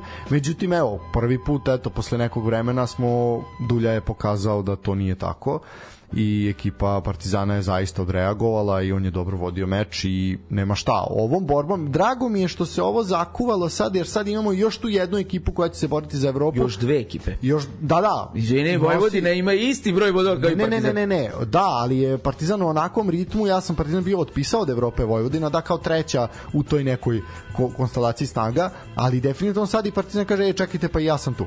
Ovaj, tako da, uh, ovom pričom mi ono zaključujemo tu 33. kolo i 32. o kom smo pričali. Javor Gat, 17 časova, očekujte ludilo u Ivanjici, šta da vam kažem, nadam se da je teren dobro pripremljen, ali to je ono što je najveća mana tog, to, to ovog spektakla, verovatno će biti. Uh, e sad, Uh, idemo na kup uh, koji se odigrava sad, ali pre kupa na tabelu. Uh, da li želiš od gore ili od dole? To je standard pitanje. Bolje da krenemo od play-outa. Od play-outa, Da. dobro. Znači, Liga za bedaka, što bi rekli. to, to. A, napredak i Kolubara su na prvoj, odnosno drugoj poziciji sa 37 bodova, treći je Spartak sa 31, koji je to vezao dve pobede nakon tri poraza. A, Radnik je, eto, posle prvi put od, od kako ovaj, smo počeli ovu sezonu, je na 12. poziciji, odnosno a, četvrtoj, ako bismo gledali samo play-out, sa 30 boda, koliko ima i Javor, koji je prvi u tom sad ovaj doigravanju jel za za ostanak u ligi. Lučani su na toj drugoj poziciji za doigravanje sa 29 bodova, a poslednje dve plasirane ekipe su Radnički iz Niša kao pretposlednji sa 29, dok GAT ima 26. E sad šta se dešava? Ukoliko GAT pobedi, GAT preskače i Niš i Lučane i onda tu sad već imamo ozbiljan problem i kuvaće se kuvaće se do kraja jer već u narednom kolu nas čeka svašta ali idemo na playoff Crvena zvezda 89 bodova ubedljivo prva bez poraza će izgleda završiti sezonu to je posljednji put uspelo uh, mislim, Arsenalu 2004. ne ne ne Partizan je 2011 uz ligu bez poraza Pa to naš. Da, eto. Ovaj, ali ovo da, ovo se stalno ističe, da. E, drugi je TSC sa 65, Čukarički je treći sa 65 takođe, četvrti je Partizan sa 61, peta je Vojvodina sa 61, e, šesti Novi Pazar sa 50, sedmi Voždovac sa 45 i osmi Radnički iz Kragujevca sa 41. E sad, što se tiče ko s kim do kraja, što se tiče uh, rasporeda do kraja, očekuje nas još četiri kola uh, u play-offu. Uh, TSC, na primjer, kao drugoplasirani ima dva gostovanja, Radničkom iz Kragujevca i Novom Pazaru, dok će biti domaćini Voždovcu i Vojvodini. Čukarički je domaćin Vojvodini pa domaćin Novom Pazaru, a ide samo u goste Voždovcu da bi na kraju završio sezonu sa domaćinstvom radničkom iz Kragujevca. Tako da uh, može se reći i jedni i drugi imaju ovaj lakši lakši ovaj mogući mogući redosled nema nema Partizana, nema Zvezde, to su odradili.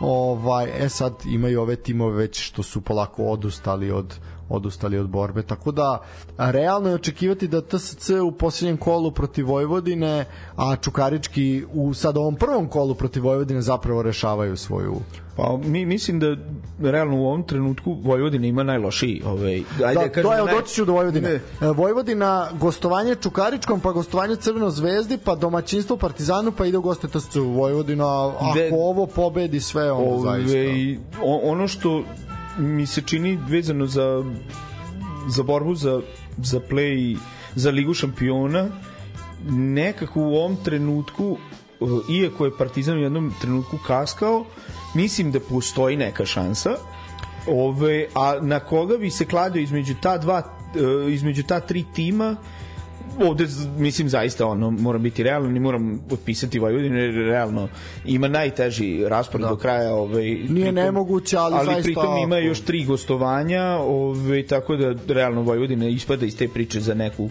priču koja se zove drugo mesto ne znam u ovom trenutku mi se čini da je najbliži to, toj drugoj poziciji jeste ekipa TSC nekako mi se čini da su oni najbliži. E sad ćemo vidjeti šta se desilo, uh, kakve će posledice ostaviti ovaj poraz od Partizana. Realno Partizan je ozbiljno nadigrao ekipu TSC-a. E sad ćemo vidjeti da li, da li Žarko Lazetić uh, može da spremi ekipu, znači da ih povrati od tog šoka. Ja mislim da su u u, u Topoli, ok, naravno, nikada ne može, ne smete i ne možete poceniti ni Partizan ni Crvenu zvezdu, ove, ali mislim da da su oni očekivali bolji rezultat. A bolji rezultat mislim da je utakmica bez poraza. Da ne kažem možda čak i pobedu protiv Partizana. Ove, I to, tako da mi se čini da o, iako se desio taj poraz, čini mi se da je ekipa TSC najbliža poziciji broj 2. Partizan mi se čini da će ipak na kraju završiti na poziciji 3. Ove, da Čukarički mi se čini da je izgubio dah. Nekako mi se pa to će ne, mislim da ćemo odgovor na to pitanje dobiti upravo u narednom duelu protiv Vojvodine. Ja uh, jer tu ako se ne pobedi problem je. Ne nešto imam što bi rekao Džogani imam osjećaj za feeling. E, imam zaista neki moment da Vojvodina može da može da pobedi Čukarički na, na Banovom brdu Ove, tako da mi se čini da tu onda ostaje ta trka u dvoje između Partizana i TSC, ali... Ozbiljna prednost na strani TSC. Tako je. Ozbiljna prednost. A, a što ma, se tiče opstanka, izvini ako... E, doći ćemo, doći ćemo, aha, da, doći ćemo, da. A, samo ću ja reći, uh, malo se preslikava, eto to prošle sezone isto poslednje kolo TSC Vojvodina, Vojvodina nije trebalo ni za šta, a ovaj a TSC je naš već je to cela javnost je pričala to Vojvodina pušta, Vojvodina pušta, TSC ide u Evropu, međutim Vojvodina nije pustila, TSC nije otišao u Evropu. Uh, ovaj put će sigurno otići u Evropu, samo ćemo vidjeti kako. Uh, e sad, što se tiče play play-outa, to je malo teško ovaj predvideti, pa bih ja ovaj isprognozirao ovaj šta će se desiti upravo sa sad naredno kolo. Uh, naredno kolo, evo na primjer imaš uh, duel, mislim svi igraju sa svakim, to je jasno. Uh, Gata i Spartaka iz Subotice. Pritom utakmica se igra, sad ću ti reći, utakmica se igra u su, u subotu, u ne u nedelju. U nedelju. U nedelju 7. maja od 15:30. 15:30. A su termin našli bog te svaka im čast. E, sad će moj Janko ovde da je jedan humanitarni tiket. Uh, ovaj put ja mislim da je u redu da ako mi nešto pogodimo, prošli put smo bili blizu, mada je dosta utakmica bilo izbačeno iz ponude i sad vidim da ima ozbiljno divljanje ovaj što se tiče promena kvota na Javor Gat. Trenutno je bilo je 2-7, 2-7 na Keca dvojku, sad je 2-0 i 3-70. E, na koga je 2? Na Javor ja bi tu igrao, ako već igramo ovaj kao za kladionicu, ja bi tu igrao, znači na utakmicu Javor Mladost bi odigrao b, go, go i 3 plus. Misliš? Da. Mislim da će biti go, go 3 plus. To se plaća ozbiljno dobro. Znam da, da se ozbiljno plaća, ove, igra se kladionica i u Singapuru i na Tajlandu, zato kažem. Ove, tako da nešto imam ove, e, mislim da mora da se desi nekako mi ova utakmica tu najbliže da se desi to neko ludilo da se odigra ono tipa 3-3 ili tako neka ludila jer ne verujem da će na primjer na utakmici u nedelju između mladosti i Spartaka biti tako nešto nekako mi se čini da to može biti e sad, danas. prognoziramo znači 34. kolo koje se igra za vikend uh, ti meni reci uh, kako, šta ti očekuješ ovde, pa ćemo eventualni dobitak ići će u kuhinju solidarnosti. Da, da, da je to sasvim u redu. Uh, znači, Gat Spartak, nedelja, 15.30. Uh, mladost Spartak, ja bih rekao ovako, prvo polu vreme, prvo polu vreme 2 plus. Prvo polu vreme 2 plus. Dobro, ja ću reći uh, Hm. Ja ću reći Kecix. Uh, dobro, zatim istog dana od 17.30 Voždovac dočekuje Crvenu zvezdu. Dvojka. Dvojka i 3 plus. 3 plus, ja ću reći mm, ha, ajde recimo pa ja ću reći isto dvojka i gost 3 plus, ajde. A, istog dana, ali od 19.30 Javor dočekuje Kolubaru. Znači Javor sad dve utakmice kod kuće. E sad proti Kolubare. Ja bih rekao dvojka. Zašto dvojka? Dobro. E, zato što mislim da ovi u, u, u Lazarevcu će time teti da pokažu da Poštenje. da igraju pošteno i da bi zaista bi mi bilo veliko iznenađenje da sve sam pobede ekipe iz, iz Lazarevca se tu nešto desi žao mi je, ali mi se čini da je prvi favorit za ispadanje u ovom trenutku je nažalost ekipa Javora, jer što bi se reklo, nemaju leđa, nemaju svoje predstavnike ono na pozicijama u fudbalskom savezu i čini mi se da zbog toga plaćaju cenu i da će zbog toga nažalost ispasti. E, ja ću na ovoj utakmici reći gol, gol, 3 plus. Verujem da je negde, slažem se s tvojom pričom i verujem da je negde tačan rezultat 2-1 za Kolubar otprilike. A, dobro, to je što se tiče nedelje. E sad, blago nama igraće se u ponedeljak. Nemoguće. Nemoguće, da, neverovatno.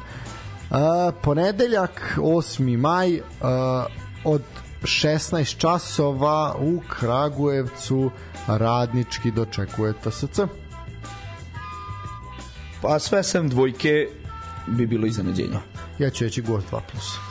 A, a možete probati i 3 plus ukupno, ja verujem da će radnički hteti da se nadigrava. Uh, od 18 časova Čukarički Vojvodina, znači to ćemo Dvojka. to ćemo pratiti u sportskom potrebu u ponedeljak. Uh, Voša kida 100%, nema tu greške. Voša pobeđuje tačan rezultat 0-2. dobro, ja Mogu ću- da kažem i strelce. Ajde. Evo, strelci će biti Jovan Milošević. Dobro. Biće strelci Jovan Milošević i ajde neka bude, neka bude na primjer Lazarević koji je zaslužio u poslednjih par utakmica je najbolji ovaj kaže Bekčina, tako da će biti i drug Lazarević strelac za Vojvodinu. ja ću reći gol gol. A, 20 časova Partizan na uh, praznom stadionu u Humskoj ulici dočekuje Novi Pazar Kec. kao vrata. Domaćin 2+, ja kažem. Uh, to je 34. kolo. E sad blago nama igra se i utorak. ovaj, znači strašno. Od, ne, neverovatno zaista. E, 16 časova Lučani dočekuju radniki Sudilica. E, to će biti jako, jako zanimljivo. Ove, Boga mi, ne, ne znam, ov, ajde e, od 0 do 2. ja ću reći x2. A, x2 ću reći, mada mhm, može biti ovde golo. Ovo je ta potencijalna mina gde možda će nekog ludila, ono 2-2, 3-2 i to nešto. A, a pazi, ovo, pazi termin. Utorak 14.30. 18.15. Napredak radnički niš. Kecko kuća.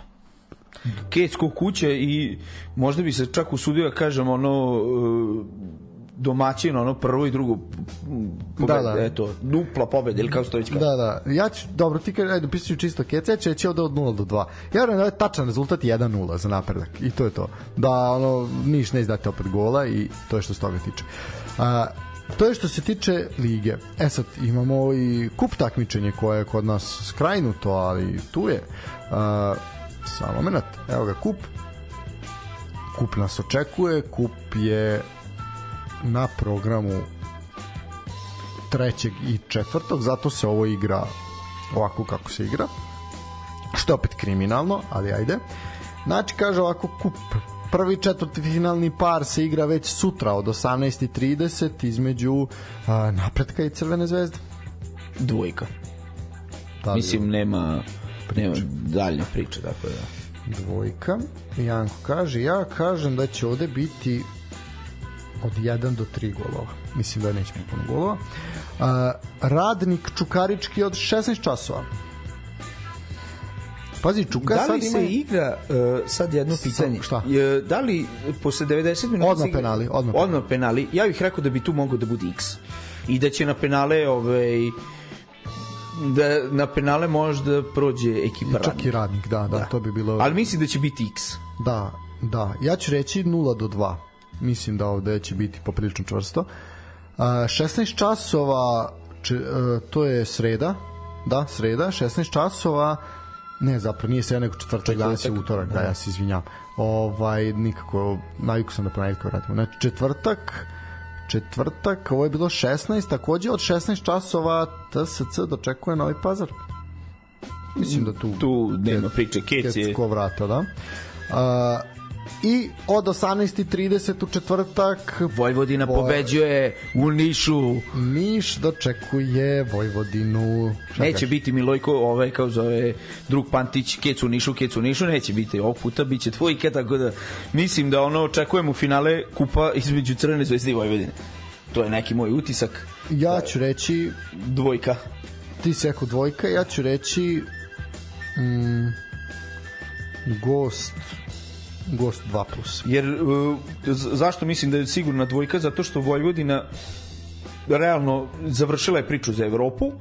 Ove, Recimo, ne, da. ne, ne verujem da može da dobaci do trećeg mesta, to jest do, do trećeg mesta i tog mesta koje vodi u Ligu Evrope. Mislim da ne, nažalost ne može. I to, ajde, kažemo, Evropu već ima sigurno. Ove, za razliku od ekipe radničkog iz Niša koji mislim da mu u ovom trenutku veća briga mu je Opstanak. opstanak, u ligi Nego tako da ove, taj kup manje više ok jeste 100 godina kluba jeste taj, mom, taj moment motivacije tu prisutan zbog tog velikog jubileja ali mislim da tu nažalost nema šta ekipa iz Niša da traži Tako je. Uh, ovim smo ovim smo znači to su četvrtfinalni dueli, polufinalni se igraju 17. maja, a finale za sada stoji 3. juna, mada postoji mogućnost da to bude i pomereno. Ljudi moji, dva i po sata ovaj ozbiljne priče. Uh, zaista eto uspeli smo Nikola nažalost potopljeno ovaj sa pl- pluta na prohonskom bojleru trenutno ovaj i muči se, ali mi smo uspeli ovo da iznesemo i a, mislim da smo na kvalitetan način obradili ipak veliki veliki broj utakmica i najavili sve ono što što nas čeka. A, eto, mislim imaćete opet, mislim po, kad pogledaš imaš eto i danas utakmice i sutra utakmice i preksutra utakmice i onda opet u nedelju i ponedeljak i utorak, znači ti imaš ono od 7 dana ti imaš pet pokrivene sa utakmicama, tako da ne manjka srpskog fudbala, ovaj da li termini mogu biti drugačiji mogu, ali šta da radimo tako je kako je, dok se nešto bolje ne smisli. Uh, Janko tebi uh, hvala na gostovanju, hvala što si izdvojio ovo praznično prepodne, a sad već boga mi i podne, sad mogli negdje na ručak otići.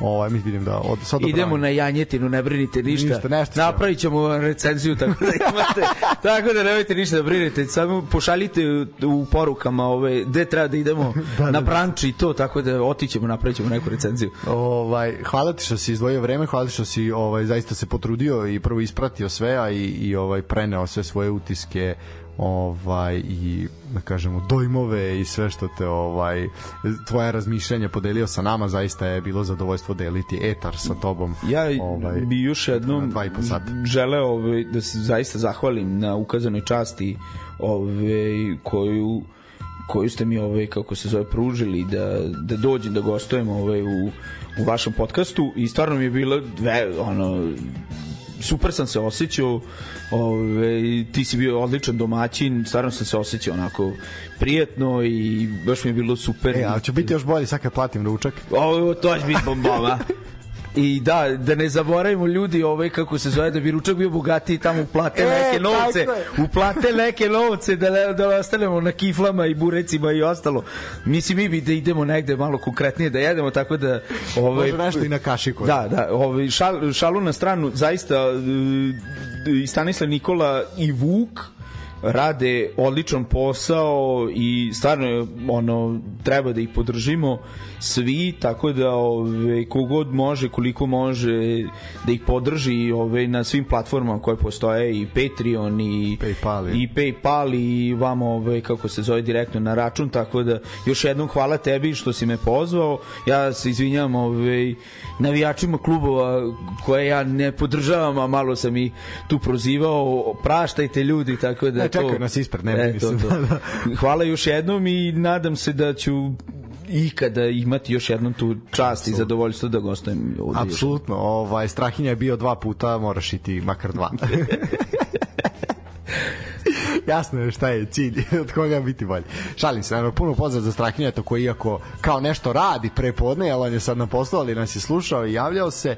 Uh, malo jeste bio netipičan termin, ali dobro. Uh, večeras je Sonja tu, juče smo svi odmarali, ali evo mi smo vas malo, da, što, je, što bi Daško rekao, da prezupčite do srede, malo sutra se već oni vraćaju i sutra se već vraćamo svi u, u normalu. Uh, bilo je zadovoljstvo, kažemo, dobro smo malo, ovaj, od, ne malo, nego smo dobro odvalili dva i po sata dobrog i ozbiljnog razgovora na sve i svašta. Uh, ljudi uživajte, pratite sve, gledajte, šaljite, hvala svi, znači učestvuju ljudi, šalju, a što ne pričate o ome, a što ne pričate o onome, a što da bi sve to bilo moguće, da bi mi stigli na sve što vi želite da mi posmatramo, ovo što je Janko rekao, PayPal, Patreon imate svuda naše, ovaj na svim stranicama, svim mrežama, YouTubeu, na svemu piše kako možete da donirate. E, uplatom na dinarski račun, hvala svim ljudima koji uplaćuju, zaista bude bude ja shvatam da je kriza, da je vreme zaista gadno, ovaj i primamo mi u naturi mislim sve prodaćemo se za sve nije nikakav problem ovaj tako da ljudi hvala na podršci hvala na porukama kritikama, sugestijama, pretnji nemamo još uvek, ali čekamo, bit će možda. Ovaj, tako da, to je to. Uh, večera Sonja, sutra Daško i Mlađa, a mi se čujemo u ponedeljak naredni u standardnom terminu, osim ako se ne predomislimo pa nešto nešto drugo smislimo. Uh, ljudi, toliko od mene, uživajte u ostatku dana, odmorite još danas, sutra nazad na posao. To je to. Pozdrav, uživajte. Ćao.